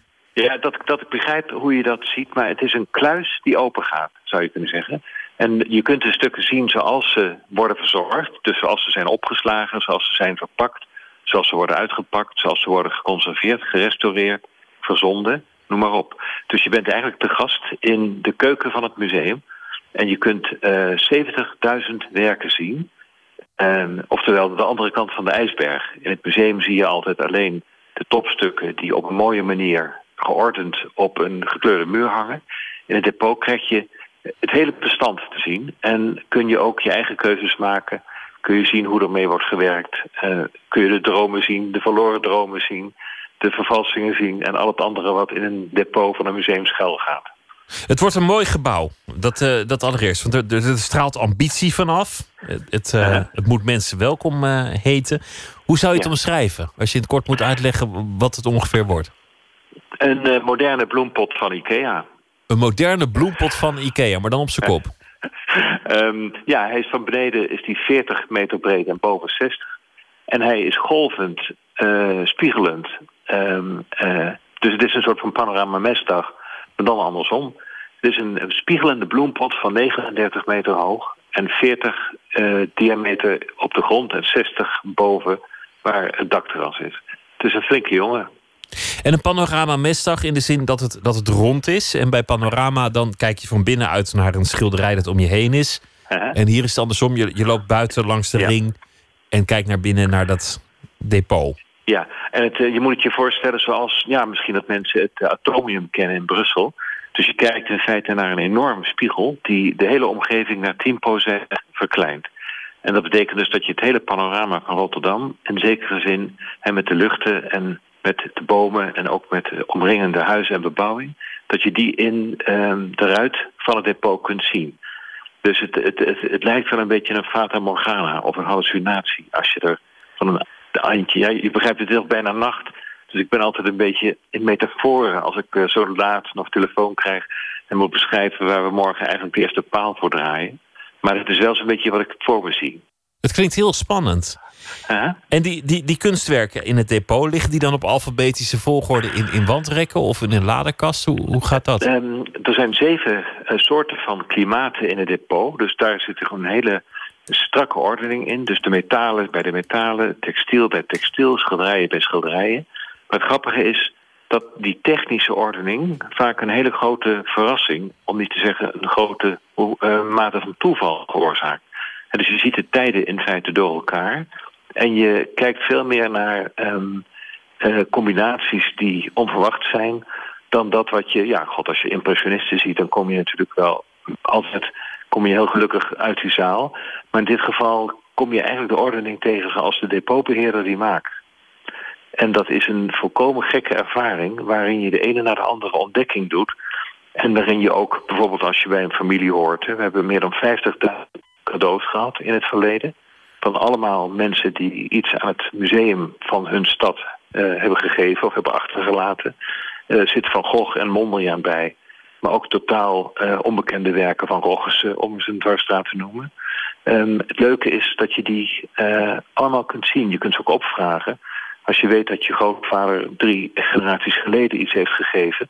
dan kun je binnen een paar minuten kun je voor dat schilderij staan. We weten gewoon waar het is. Alles heeft zijn eigen standplaats en noem maar op. Je kunt ook je eigen eh, tentoonstelling bij wijze van spreken samenstellen. Ik zou er bijvoorbeeld alleen maar vervalsingen willen zien. Dat lijkt me wel eens leuk. Van de hele middag we- vervalsingen bekijken. Ja, daar waren we al bang voor. Dus we hebben al besloten om alle van meegeruns, eh Ja. je weet wel, het zijn er wel een stuk of tien, om die bij elkaar te hangen. Dus dat wordt waarschijnlijk een erg populair hoekje ergens diep in het depot.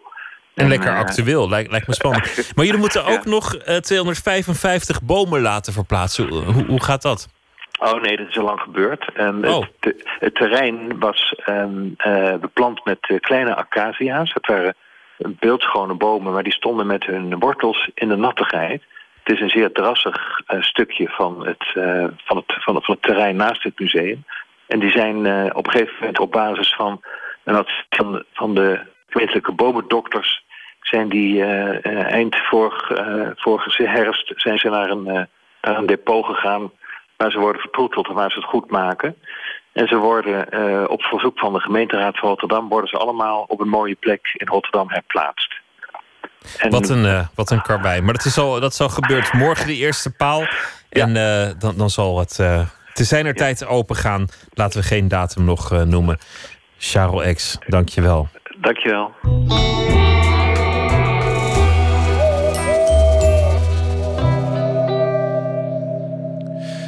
Een eh, milde opwinding bij onze muzieksamensteller. Want band Fleet Foxes had ineens een nieuw nummer. 3 mei, zes jaar geleden, verscheen het laatste album. En dit is ook de titel. Misschien is dat toeval. Maar het is ook de titel van dit nieuwe nummer. Een nieuw album zal er ook eh, komen. 3rd of May. And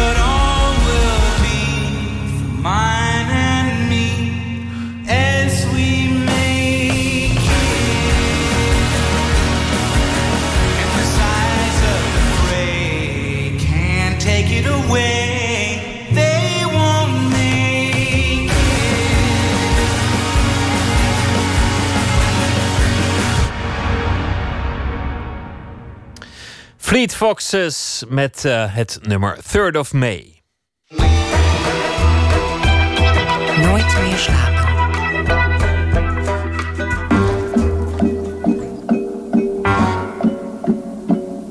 Europa worstelt met een identiteitscrisis. Ga met mij mee door ons werelddeel en ontdek hoe kunst laat zien wie we zijn. Niet het Europa van bureaucraten en bankiers. Niet het Europa van de sceptici, maar het Europa dat leeft in de boeken die we lezen, de films die we kijken, de muziek die we luisteren. Een continent van idealen, van theater. Als ergens de Europese ziel huist, is het misschien daar. Made in Europe. De kunst die ons bindt. In de reeks Made in Europe gaat Dimitri Verhulst op zoek naar de Europese ziel aan de hand van thema's in de cultuur. Komende zondag het thema verlangen aan de hand van eh, de Duitse poëzie en de automobiel en de fado. Gaat hij proberen te duiden wat het verlangen heeft gedaan met de Europese geschiedenis. Matthijs Deen die eh, ging ook op zoek naar het verlangen, maar deed het dicht bij huis in de binnenlanden van Friesland. Ich weiß nicht, was soll es bedeuten, dass ich so traurig bin. Ein Märchen aus alten Zeiten, das kommt mir nicht aus dem Sinn. Die Luft ist kühl und es dunkelt und ruhig fließt der Rhein. Com seu chicote vento Quebra o espelho do lago Soldaten, dat vind ik ja, zo'n rijk eh, gevoel. Dus dat, heel veel mensen associëren het met verdriet. Maar het is, het is ook ontzettende levenslust zit er voor mij in. En eh, eh, eenzaamheid, eh, verlangen. Verlangen heeft dus ook een soort beweging. Hè. Dat is ook niet iets waar je in zakt, maar wat juist in beweging zet. Eh, nou, het gevoel van, van verlies, vergankelijkheid. Maar er zit zo, het is zo rijk. Tão rápido passou Nem soube destruir-me. Als de auto eh, de, aanslaat, dat de motor gaat draaien... en je hoort het geluid van de motor en van de uitlaat... dan krijgt iedereen toch wel even iets, eh, een rilling door het lichaam... en zegt, oh, wat is dat fantastisch. Je krijgt zo'n warmte door je hele lichaam als dat, dat loopt.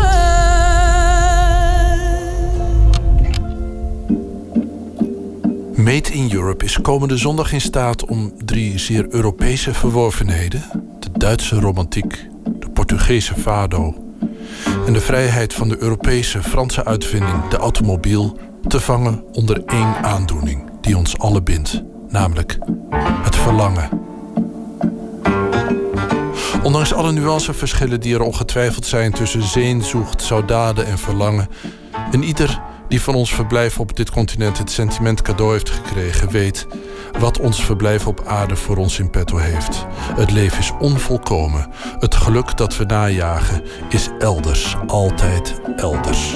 Ja, het waren eigenlijk avonturiers, eh gentlemen. Hè, eh, Voor de autoverzamelaar en importeur Evert Lauwman, die ik ooit interviewde in gezelschap van zijn Franse raceauto uit 1903, ligt dat geluk in de bewegingsvrijheid in een onbekommerd verleden.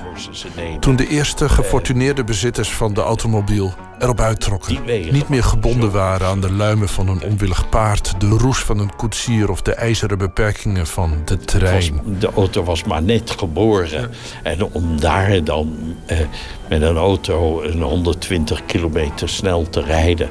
Een auto waar dan eh, de remmen er amper op zitten. Voor het eerst erop uit. Autonoom zelf, gaan waar je wil gaan. Het knallende lawaai brengen van de vooruitgang. Geen loslopende varken of wat dan In ook. Waar tot dan toe alleen het geluid geklonken had van fanfare, varken, kip en kerk. Dat is heel anders dan in deze tijd waar alles zo geweldige, ontspannen tijd eigenlijk. Dat verlangen. Wij komen nooit meer samen, de wereld drong zich tussen beiden. Soms staan we beiden s'nachts aan het raam, maar andere sterren zien we in andere tijden. Ja, die laatste vind ik heel mooi. Maar als het waar is dat door grote dromen het zwaarst verlangen over wordt gebracht tot op de verste ster, dan zal ik komen. Dan zal ik komen iedere nacht. Iedere nacht, ja. Ik dicht je hart vast. Ik wil. De taal van het verlangen komt overal als het maar onbereikbaar is. Het onachterhaalbare verleden, de ziel onder de motorkap, de wijkende horizon, de verre geliefde, de oorzaak van al het verdriet, het hart van de ander.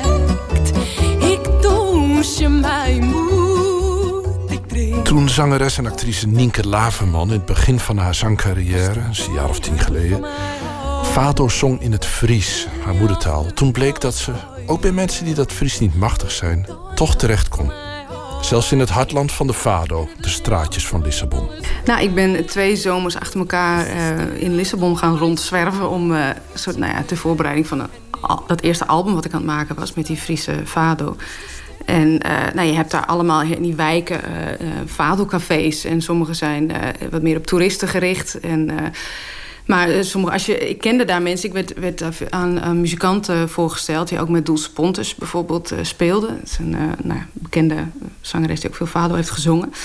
En zo kwam ik in de, de kroegjes met, nou ja, tussen aanhalingstekens, echte fado. Hè, die wat, wat minder op toeristen gericht. En nou, daar kwam zelfs op een avond Marisa op een gegeven moment binnenlopen... die nu wereldberoemd is. Eh, en hij heeft prachtige eh, dingen gezien. En op een gegeven moment zei ze... nou, eh, jij bent er ook mee bezig. doe maar eens wat. En dan roep je dus gewoon een toonsoort en een titel. En dan ga je... Nou, ik had dus een aantal in het Fries vertaald. Lieve gedrovers van uren. Met held die hem te bot ontleven werd. Nou, en toen kwam dus die verbaasde reactie van... hè, dat dit, wat is dit en kan dit ook? En het is ook heel mooi om in die kroegen... eh er zijn allemaal codes. eh, het is heel anders dan in een concertzaal... Hè, waar je, eh, van, nou ja, je wacht tot het nummer klaar is... en dan komt er applaus. Zo gaat het. Maar in die kroeg is het van, juist op het hoogtepunt van een nummer... wat vaak vlak voor het einde zit... daar wordt dwars doorheen geapplaudisseerd. Als je, als je dat moment pakt, als dat raakt... dan, ah, en, en ja, dan komt daar het applaus. Het zijn allemaal van die, van die codes. En ja, dat is geweldig om daar... ontrust voor een toostig verlet. Drogelust net het De er komen tranen op zo'n moment dat je dat voelt. Eh, ja, wat is dat dan? Is dat verdriet of is het juist ontroering over de, over de schoonheid van het leven? Ik, voor mij zit er ook altijd ontroering in van het. eh, op dat moment voel ik me ook heel erg verbonden met iedereen. Omdat iedereen eh, dat ongrijpbaar gevoel voelt. Van, we, hechten ons allemaal aan het leven. En we weten dat we het allemaal weer los moeten laten. Dat zit ook heel erg onder. Maar je, ja, je, je, je voelt je dus verbonden en het, het voelt eh, ja, ook een soort louterend is of zo. Dat je, dat je daardoor weer energie hebt om... eh, ah, dat, ja, het is, het is heftig het leven, maar het is ook ontzettend mooi. En eh, dat is dus niet iets wat naar beneden trekt... of een gevoel waar je in zakt en waar je niet meer uitkomt. En, en de vader, ja, die weet dat gewoon zo goed te vangen of zo. Ik, ik dus meteen ook in die documentaire, als, ja, die straatjes en Lisbonmuziek... en dan hoor je die, die gitaar en de- ja, dan, dan komt het bij mij al. Com o seu chicote vento Quebra o espelho do lago Em mim foi Ja, en ik heb eh, dus eerst ook ontzettend lang geaarzeld... van of ik, of ik me überhaupt mijn vingers wel mocht branden aan eh, zingen van de vader... omdat ik niet Portugees ben. Dus ik dacht eerst, ja, dat, dat, je moet daar geboren zijn... om dat geloofwaardig te kunnen neerzetten. Dus daar heb ik in gezocht. En dacht van, ja, maar ik voel dat wel heel erg... en ik word helemaal blij als ik dat eh, zing. Nou, en toen kwam ik op een gegeven moment achter van... ja, misschien is het wel die taal. Als, eh, dat voelt een beetje als eh, iets slecht nadoen. Als ik dan ineens Portugees ga zingen... dan wil ik mijn best doen op uitspraken en dingen. En dan, dat, ja, dat hoor je natuurlijk meteen. En toen kwam ik bij, als ik dat nou naar het Fries kan halen... mijn moedertaal, waar gewoon niks tussen zit... tussen mij en die taal... eh, ja, dat, zou dat werken? En dat, eh, nou ja, dat werkte voor mijn gevoel. Dus die, eh, en en dan ineens kan je nou ja, dichter bij jezelf blijven... maar toch hetzelfde gevoel vertolken. Kom je bij een ander onderdeel van het romantisch levensgevoel. Romantiek is natuurlijk, net als de fado en de auto, een, Europese, een Europese uitvinding. Dat de aandacht voor de eigen identiteit, de eigen taal, de eigen streek... en de, de, de natuur waarin je bent opgegroeid... is natuurlijk ook een, een, een romantisch levensgevoel. Wat Ja, dat denk ik wel. Ik denk dat al die elementen, die, ja, die voeden dat. Zeg maar. En ik, ik vind het ook altijd wel heel mooi als ik bijvoorbeeld aan een zanger of kunstenaar kan horen of zien in zijn werk waar die vandaan komt. Dus waar dat. eh, dat is bijvoorbeeld natuurlijk heel eh, duidelijk zo bij mensen als Björk of Sigur Rós. Die dan dat IJsland, dat, dat, ja, dat hoor je dus in alles terug. Jij bent een Fries. Ja. Of Friesin. Ehm Björk is een IJslandse. We hebben het over Portugese muziek. En jij zegt, ik vind het juist heel prettig om te zien waar al die mensen vandaan komen. Want eigenlijk heb je dat gemeen, dat eigene. Ja, precies. Het is dus allemaal, dat eigen is allemaal verschillend. En ook weer allemaal, eh, het eigene op zich is weer eh, iets wat je, wat je gemeen hebt. En dat, ja, dat, nou ja, dat is misschien dat, dat gevoel van rijkdom. Van, eh, ja, dat, en dat, dat heb ik ook, ook met de jaren is dat gekomen. Dat ik denk van ja, ik wil ook in mijn werk staan voor die diversiteit. Dat, die, is, die is zo mooi en die is daardoor ook zo belangrijk. Nou ja, en staat natuurlijk onder druk, weten we allemaal. Maar ja, dat is iets waar ik, eh, waar ik ontzettend van geniet.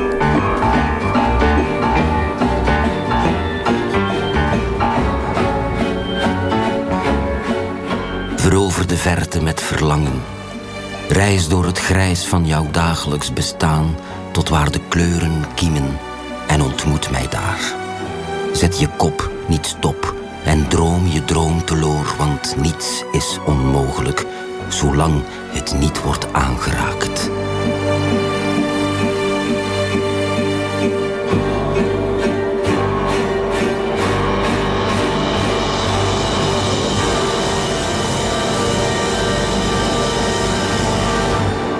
Matthijs Deen in gesprek met Nienke Laverman en Evert Lauwman over het verlangen. Made in Europe komende zondag om kwart over acht op NPO 2. En de regels van Heine werden voorgelezen door Frits Stavenhagen. De Amerikaanse singer-songwriter Macy Todd. Een album is er nog niet, maar deze single wel. I've Got a Feeling.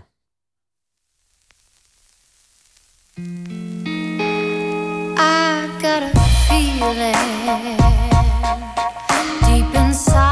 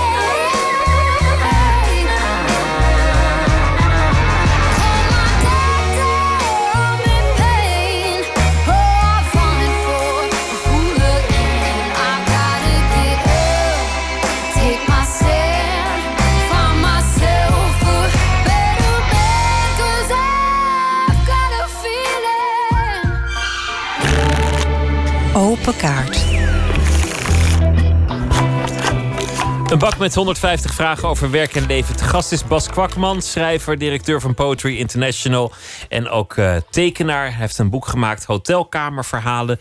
In alle hotels staat eh, een bed. En er staat meestal ook wel een tafeltje. En er hangt een televisie aan de muur. En je hebt er een douche, maar daar hangen. eh, nou, dan ben je er eigenlijk wel, de overeenkomsten. En hij heeft een aantal hotelkamers waar hij heeft verbleven in de loop der jaren. Als decor gebruikt voor verhalen. Bas Kwakman, hartelijk welkom. Dankjewel. Hoe is dat idee begonnen om, om alle kamers waar je slaapt te tekenen en dan de, de herinneringen te bewaren? Nou, ik heb sowieso altijd wel de neiging om eh, kleine schetsjes te maken. Om eh, eigenlijk mijn, mijn herinneringen een beetje op gang te houden. Eh, foto's of aantekeningen. Op een of andere manier werkt dat niet als herinnering bij mij. Maar als ik ergens anderhalf uur gedetailleerd een tekening zit te maken. Dan kan ik twintig jaar later die tekening zien. En dan vallen me alle details van die reis of van wat ik toen heb meegemaakt eh, me weer te binnen. Dus het werd een beetje een gewoonte om. eh, ja, ik zit toch eh, veel in hotelkamers, besteed daar veel tijd. eh, ik denk, ja, ik kan weer naar een andere zetfilm gaan kijken. Ik kan ook even een sketchje maken van de kamer. Het gaat niet echt over de kamers. Het gaat meer over de gebeurtenissen die in die stad of, of bij de gelegenheid waarvoor je reist hebben plaatsgevonden. Maar omdat dat het toch ook wel een beetje over de kamers gaat. Wat was Mhm. de, de, de goorste, slechtste, meest teleurstellende hotelkamer waar je hebt verbleven? Nou ja, dat was een hotel dat eigenlijk meer bestond uit een aantal eh, hutten in de Gobi-woestijn. Het was wel een hotel. Het heet heel mooi Hotel eh Kamrin It, Kiet heette het. Maar het bestond vooral uit een paar oude tenten. En wij waren onderdeel van een eh, poëziefestival. En ik heb daar met een Chinese dichter en een, Koreaanse theeprofessor, professor in de thee, moesten we daar liggen. En dan ga je in het donker in. En het eerste wat mij daar opviel, want ik sloeg het mij toegewezen bed open. En daar wemelde het van eh, grote zwarte torren. Maar niet één of twee, maar een stuk of dertig, veertig eh, onder het kussen, de lakens. En ik keek toch wel in lichte paniek naar eh, de heren die om mij heen zaten. Maar die, die kropen in bed en begonnen te slapen. En toen dacht ik ook van, nou ja, mijn basishouding is go with the flow. Met de stroom mee, wat er ook gebeurt. Je maakt alleen maar wat mee als je je mee laat gaan. En niet als je je niet verzet. Maar dit was toch wel een keer dat ik dacht, dit is toch wel een beetje de lijn. Dus toen heb ik mijn koffer ingepakt, ben ik naar buiten gelopen... en dan ben ik op zoek gegaan naar een eh, iets betere plek om te slapen. Is dat gelukt? Nou, er waren wat luxere hutten. En die waren op beton en die waren van hout. En die waren iets hoger gelegen, dus die hadden ook wat minder insecten. En die waren voor de dames bedoeld. En ik heb op goed geluk op de eerste deur ge- geramd. En daar lagen toevallig de, de, de Vlaamse dichter Lies van Gassen... en de Nederlandse dichter Ellen Dekwits. En die, eh, die hadden het warm, die hadden een kachel, die hadden geen torren... die hadden fijne muziek op. Dus eh, dat was wel een betere verblijfplek, ja. Dus dat was een stuk beter. Een hotelkamer is iets geks. Het is een, een kamer die dan even als thuis voelt, maar de nacht erna ligt er weer iemand anders. En de dag ervoor zat er iemand anders. Ja. En, en eh, je hebt, er hangen dingen aan de muur waar je zelf geen enkele band of herinnering mee hebt. En, en toch is het heel even jouw huis. Ja, typisch is als ik een tekening maak van zo'n kamer. puur om mijn eigen herinneringen op gang te houden. Dan schuif ik in het beeld wat ik zie, wat ik wil tekenen, in ieder geval mijn eigen persoonlijke spullen al weg. Dus ik heb niet de neiging om de, de schoenen die ik neerzet of de pen die ik op een tafel neerleg, om die ook te tekenen. Want ik heb vooral behoefte om de zo onpersoonlijk mogelijke kamer te tekenen. En dan krijg je ook hele rare verbanden. Want je hebt natuurlijk hotelketens die over de hele wereld eigenlijk dezelfde kamer inrichten. En als ik naar Durban, Zuid-Afrika reis voor een festival... en een paar weken later naar Shanghai of naar Medellin... maar het is diezelfde keten... dan lijken die twee tekeningen in mijn boekje heel erg op elkaar. Dus dat is eigenlijk een rare manier om te laten zien... hoe, hoe klein de wereld eigenlijk is. Ik heb wel eens een DJ geïnterviewd in dit programma. Die vertelde dat hij eh, altijd op zijn nachtkastje een, een groot papier neerlegde. waar hij de plaatsnaam waar hij sliep opschreef. Omdat hij bij het wakker worden zich dat niet meer altijd kon herinneren. Of hij nou in eh, Tokio of in Hongkong was, eh, Ja. was dit keer. Zo'n poëziefestival is om een andere reden ook iets, iets raars. Omdat mensen uit alle hoeken van de wereld bij elkaar komen. Die weliswaar hetzelfde beroep hebben. Het zijn ook vaak persoonlijkheden, dichters. Behoorlijk. En die zitten met elkaar opgescheept in een heel korte periode. En toch hebben ze niet echt iets met elkaar. Maar, maar dan wordt het al gauw heel raar en intiem. Nou, ik vergelijk het vaak met een soort eh, stolp. Want veel, eh, veel dichters die hebben een leven naast hun dichterschap. Want in de hele wereld kan bijna niemand van zijn eh, poëzie leven. Er zijn allemaal mensen met allerlei bezonjes en die dichten ernaast. Maar op een festival is alles gericht op jouw dichterschap. Dus je hoeft niet te denken aan je eten, je hoeft niet te denken aan je familie, je hoeft niet waar je woont, je hoeft niet te denken aan hoe je ergens moet komen, want dat, wordt allemaal voor je geregeld. Dus in een week of een tien dagen zelfs, sommige festivals, hoef je alleen maar aan poëzie te denken en aan de ontmoeting met andere dichters. En dat is voor eh, de vaak wat oversensitieve types die dichters vaak zijn, is dat een hele bijzondere week. Het is een, het is een, ja, een soort klosje, een soort eh, stolp waar ze in zitten, dat alleen maar over poëzie gaat. En dat maakt de, de, de ontmoetingen heel intens, maar ook de gebeurtenissen heel intens. En ik ben niet de dichter die uitgenodigd wordt, maar ik zit daar als eh, observator. Ik ben uitgenodigd als festivaldirecteur. Dus ik kan van een afstand kijken van wat gebeurt hier allemaal. Ik kan dichters scouten en luisteren wat allemaal gebeurt. Maar ik heb vaak ook wel het gevoel dat ik een soort fly on the wall ben die om zich heen kijkt en ziet wat er allemaal gebeurt. En als je houdt van kijken en goed kan kijken, ja, dan is elk festival ja, gevoelens fressen voor, voor een boek, voor een verhaal, voor eh, de anekdotes die je eruit haalt. Nachtelijke escapades van dichters die dronken tegen gevels van hotels opklimmen om een Ja, andere kamer te bereiken. Festivaldirecteuren die klagen over de vele dichters die sterven op het festival. Dat altijd een, eh, een gat in hun schema slaat. Nou ja, liefdesoverspel, ruzies, revoluties. Eh, Noem maar op. Alles eh, staat er allemaal in. gebeurt in dit, eh, in dit boek. Laten we beginnen met de kaarten. Dit is eh, de bak en ik wil je vragen om er één te trekken.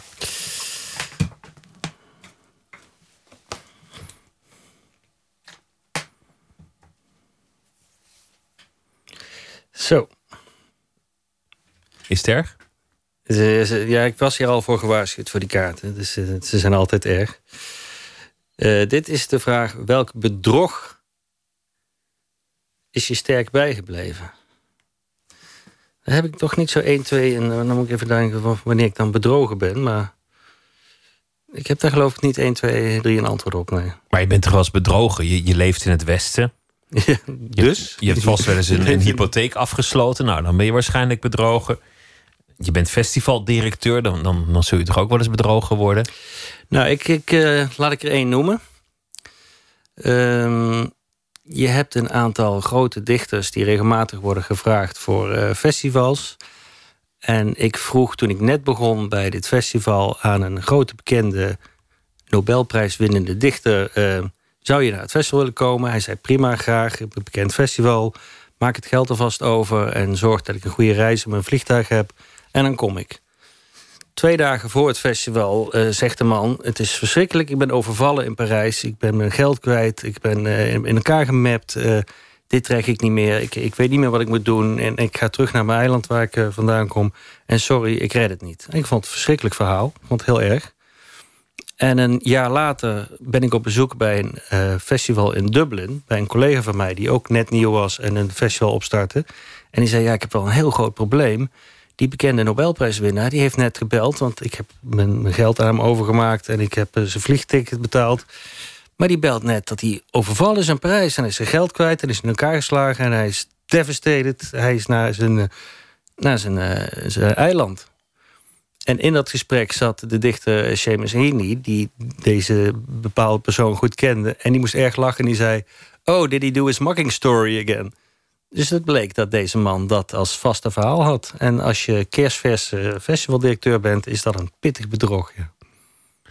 Prachtig verhaal wel trouwens. Ik vind het wel echt meteen een heel mooi verhaal voor een, eh, voor een eerste, eerste kaart. Trek nog een eh, kaart.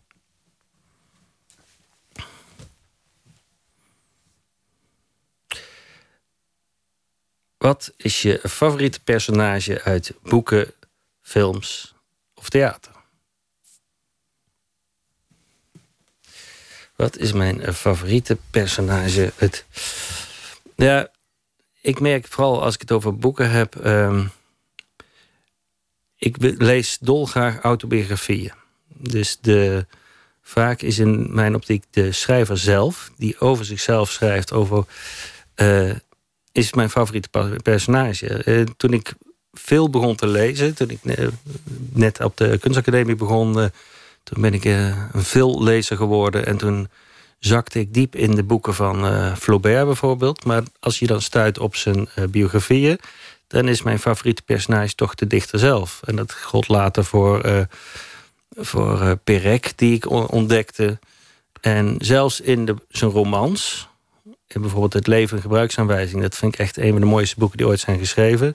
Daar, die staat bomvol van de karakters. Maar het personage wat voor mij altijd komt bovendrijven is de schrijver zelf. En, eh, En Flaubert, dan bedoel je zijn, zijn correspondentie en zijn reismemoires. Ja, want de, de, Flaubert staat natuurlijk bekend als degene die eh, weken en weken op, op een bladzijde zat te schaven... omdat hij een beeld had van hoe literatuur moest zijn.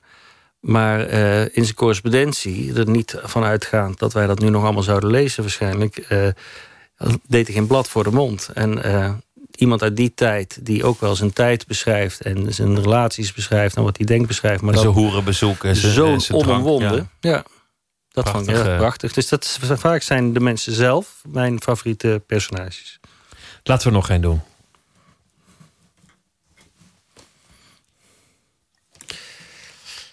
Wat was een moment van triomf? Ja. Dat is een mooie vraag. Eh, nou, dus, dus ik, heb, eh, ik mag niet klagen wat dat betreft. Ik heb wel een aantal... eh, Het festival is ook een beetje een triomf, toch? Festivals zeker een triomf. Dat is een, toen ik begon in 2003, eh, ik was nog niet. Ik zat wel al diep in de literatuur, maar was daar niet zo'n bekende in. Dus het was ook voor veel mensen van, wat krijgen we nou? Wat is dit nou ineens voor een type die Poetry International moet gaan leiden? En ik dacht zelf ook van, nou, dit is, deze lat ligt hoog. Dit is mijn favoriete festival. Geweldig festival, maar zoals het, als me het lukt dit de komende vijf jaar te, lei- eh, te leiden... en daar zonder al te veel kleerscheuren vandaan te komen... nou, dan eh, zit het wel snor met de rest van mijn leven, dacht ik. Maar dat was onderhand eh 14 jaar geleden. En het festival is gegroeid, is bekender geworden. En eh, ja, het zit goed in, in mijn vingers en in de vingers van de organisatie nu. Dus eh, dat is zeker wel een, een triomf, ja. En wat zijn daarbinnen dan de kleine triomfen? Nou ja, een van de triomfen is dat je in een periode waarin wij zitten met eh, een zekere sinecure als het gaat over kunst en cultuur. En dan ook nog wel een, een kunstvorm die als moeilijk wordt ervaren. Waarvan veel mensen denken, ja, moet dat nou wel, zo'n eh, zo'n festival en eh, al die internationale poëzie? Eh, moet dat niet naar de Nederlandstalige poëzie? Het is geen festival dat, eh, dat makkelijk door alle stromen heen glijdt. En de laatste jaren hebben we het goed gedaan wat betreft het bezoekersaantal, de groei, de ontwikkeling, eh, de, de, de, leeftijd van de mensen die komen, de subsidies die we binnengehaald hebben, maar ook de eigen inkomsten die we binnengehaald hebben. Op al die vlakken is het eh, erg goed gegaan. En dat toch in geen eenvoudige tijd. Dus dat eh, ervaart het hele team van Poetry wel echt als een triomf van de laatste tijden, ja. Neem nog een kaart.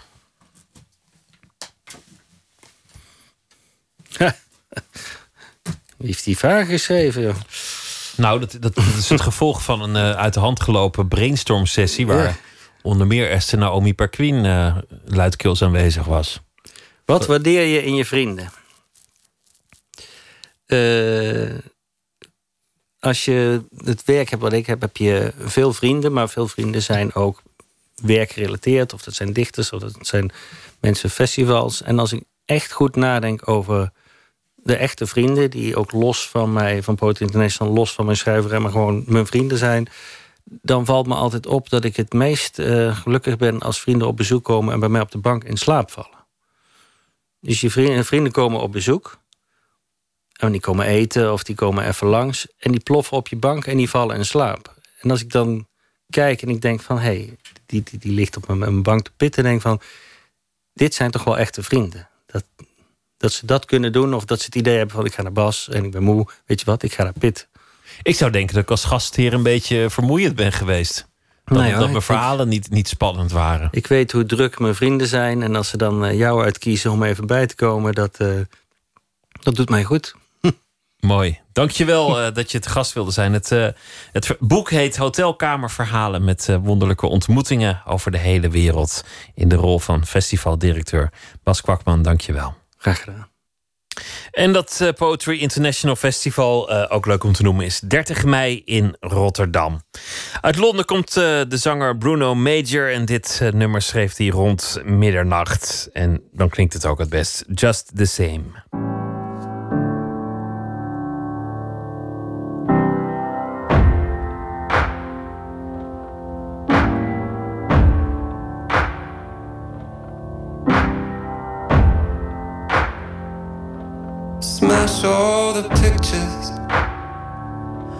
Where I am in the frame. Control my emotions as if it is a game.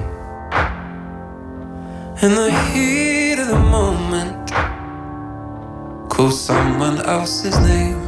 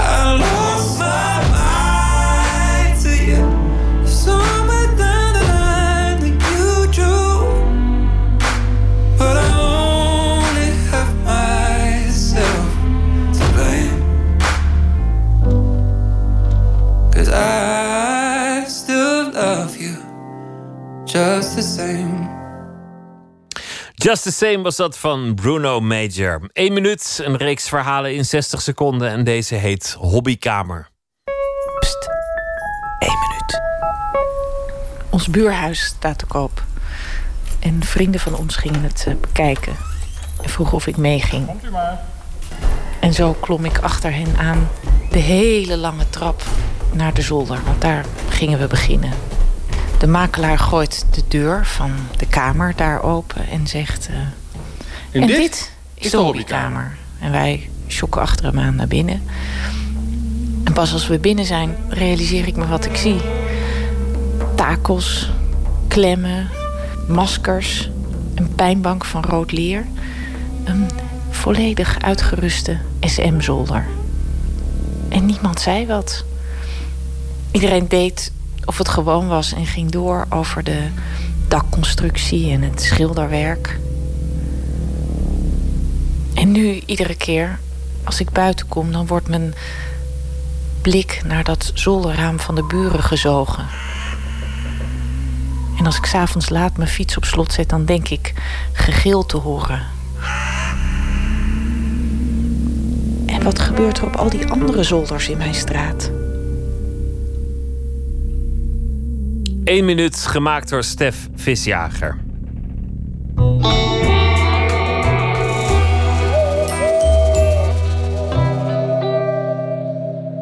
Ivo Victoria maakt deze week elke nacht een eh, verhaal voor ons over de dag die achter ons ligt. Hij is eh, schrijver, Vlaming, woont al eh, geruime tijd in Nederland. Ivo, goeienacht. Goeienacht, Pieter. Je voorspelling was goed, namelijk dat GroenLinks groter zou worden dan de Partij van de Arbeid. Ja. Dat GroenLinks de grootste zou worden, dat durfde je ook al een beetje aan, maar dat, dat is niet gebeurd. Nee. Nee, nee. eh, ja, het was, het was een beetje eh, wat dat betreft een raar dagje vandaag. eh, De the day after the night before. En ehm, ik merkte wel dat ik met een beetje dubbel gevoel eh, rondliep. Wat was dat dubbele gevoel? Nou ja, ehm, gisteravond was er, ontstond er een soort van eh, gejuich op de roemruchte social media op een gegeven moment. We hadden het populisme verslagen. En vandaag eh, merkte ik al eh, dat, dat het sfeertje een beetje aan het omslaan was. Dat mensen begonnen te zeggen van nou, hebben we dat eigenlijk wel gedaan? Want ja, CDA VVD zijn eigenlijk ook populisten. En nou, Jesse Klaver, daar kan je eigenlijk ook nog wel van beweren dat misschien wel een populist is in een zekere zin.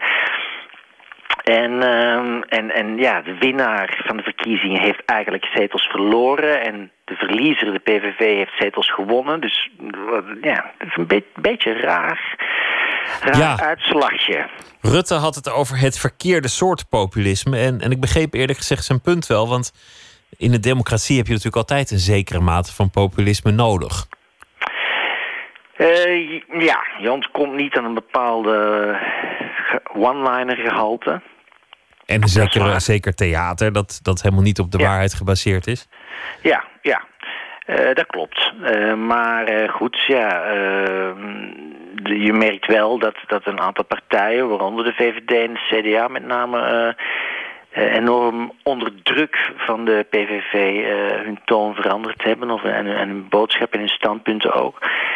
Ehm, dus je kan je ook, ja, je kan in zekere zin ook zeggen dat Wilders misschien wel wel gewonnen heeft. Ja, zijn Zonder dat hij standpunten- daar de verantwoordelijkheid voor hoeft te nemen. Zijn standpunten worden door de anderen min of meer overgenomen. Of ze nemen zelf een standpunt aan dat hij zelfs niet eens aan zou gaan om, om hem te verslaan op zijn eigen eh, terrein.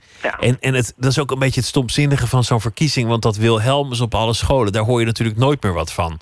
Tot, tot er misschien weer was het- verkiezingen dat, komen. Was, dat was waarschijnlijk het dieptepunt van die hele campagne. En vier coupletten. Nou, maar ook, ja, dat buurman dan zegt van... eh, alle, in alle andere landen kennen kinderen wel het volkslied. Nou, dat is natuurlijk pertinente leugen, kan ik je als Belg eh, vertellen. Eh, nee, dat, zijn hele, dat waren helemaal hele rare acties. Wat dat betreft was het ook wel een interessante campagne. En, dat- en dat speelde ook een beetje... Dat versterkt ook mijn gevoel vandaag. Van, eh, je hebt maandenlang ben je ermee bezig geweest. Hè? Het, was, het ging erom, het was belangrijker dan ooit. En dan de dag erna, dan, dan komt er een soort van... Ja, deceptie. over je Toch wel. Ik ben benieuwd naar het verhaal. Ga je gang. De hele dag vroeg ik me af of ik nu gewonnen of verloren had. De zon scheen.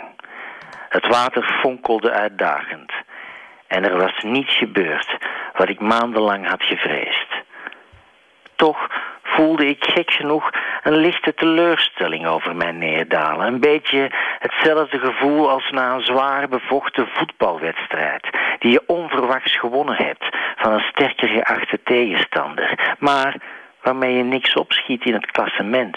Want kampioen spelen zit er gewoon niet in.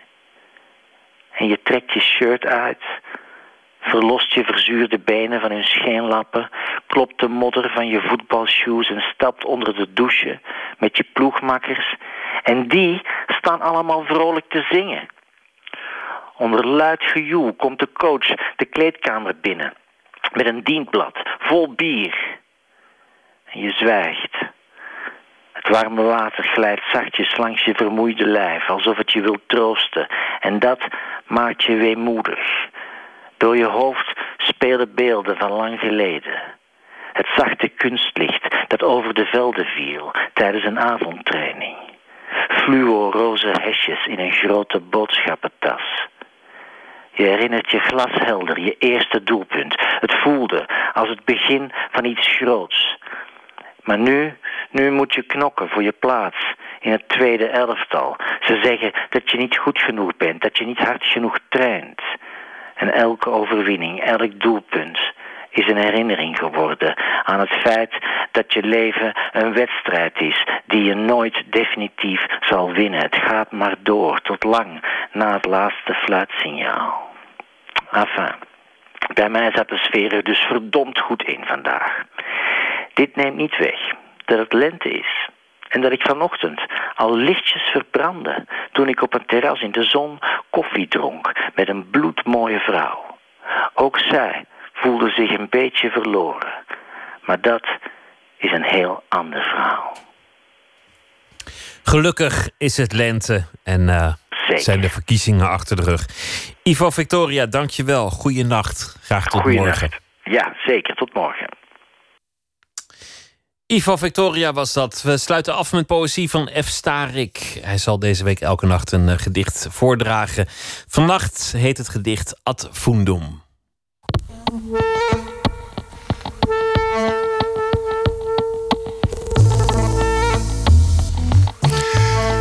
Ad fundum. Als je aan de mensen denkt die dood zijn, aan de mensen die je hebt gekend en die nu elders leven. Als je aan de mensen denkt die onderweg zijn uitgestapt of weggereden, in de kuil gevallen, moe gestreden.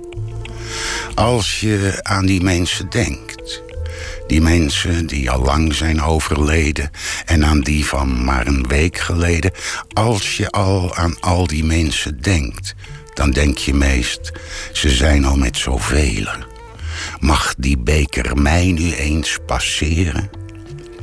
Je snapt heus wel dat we niet allemaal voor eeuwig kunnen blijven leven. Maar jij, je bent niet eens erg oud, al beginnen je de jaren zichtbaar op te breken. Jij bent niet van het soort dat geneigd is om te smeken. Jij moet niets hebben van een hoger wezen dat zo slordig omspringt met het grootste dat ons is gegeven. Duif van honderd pond, leven, godverdomme, en heel lang nog. Weg met de dood. Een gedicht dat ik heb geschreven naar aanleiding van de dood van de beste vriend van mijn geliefde. Dat viel in een tijdperk dat er voortdurend om ons heen slachtoffers vielen. Dat ik op een gegeven moment gewoon echt zagrijnig van eh, werd, van al die dood. Ik heb natuurlijk altijd een hoop dood om me heen, omdat ik ook de eenzame uitvaart doe. Maar dat leidt uiteindelijk ook tot de gedachte van... eh, zou het niet handiger zijn als we gewoon allemaal tegelijk doodgingen... in de plaats van één voor één. En dat er telkens weer iemand uit je leven wordt gerukt. Dat is eigenlijk zo verschrikkelijk vervelend. Dat de dood zich zo dikwijls en op zulke onverdachte momenten... eh, op de voorgrond dringt. Zou daar niet een prettiger regeling voor te bedenken zijn? Ad fundum, dat is eh, dat je je beker eh, in één teug volledig achterover slaat. Dat is voor mij een, een beeld van gulzigheid, gretigheid om te leven. En dus ook om de dood op afstand te houden. Ad fundum. Als je aan de mensen denkt die dood zijn aan de mensen die je hebt gekend en die elders leven.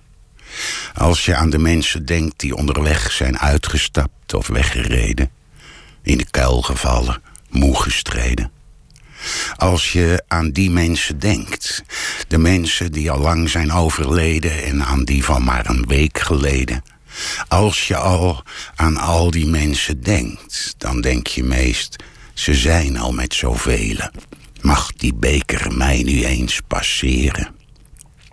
Je snapt heus wel dat we niet allemaal voor eeuwig kunnen blijven leven. Maar jij, je bent niet eens erg oud, al beginnen je de jaren zichtbaar op te breken. Jij bent niet van het soort dat geneigd is om te smeken. Jij moet niets hebben van een hoger wezen dat zo slordig omspringt met het grootste dat ons is gegeven. Duif van honderd pond. Leven, godverdomme, en heel lang nog. Weg met de dood.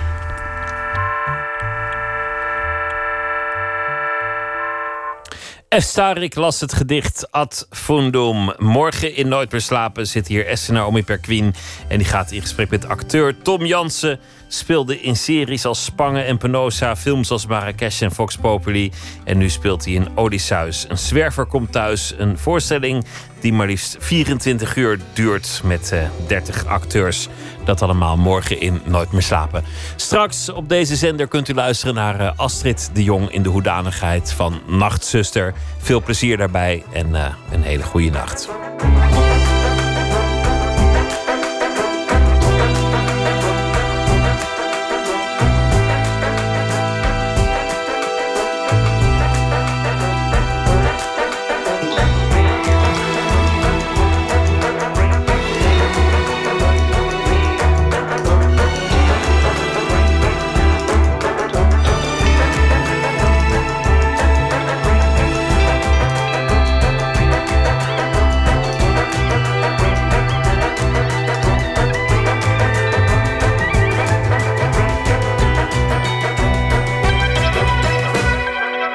Radio 1. Het nieuws van alle kanten.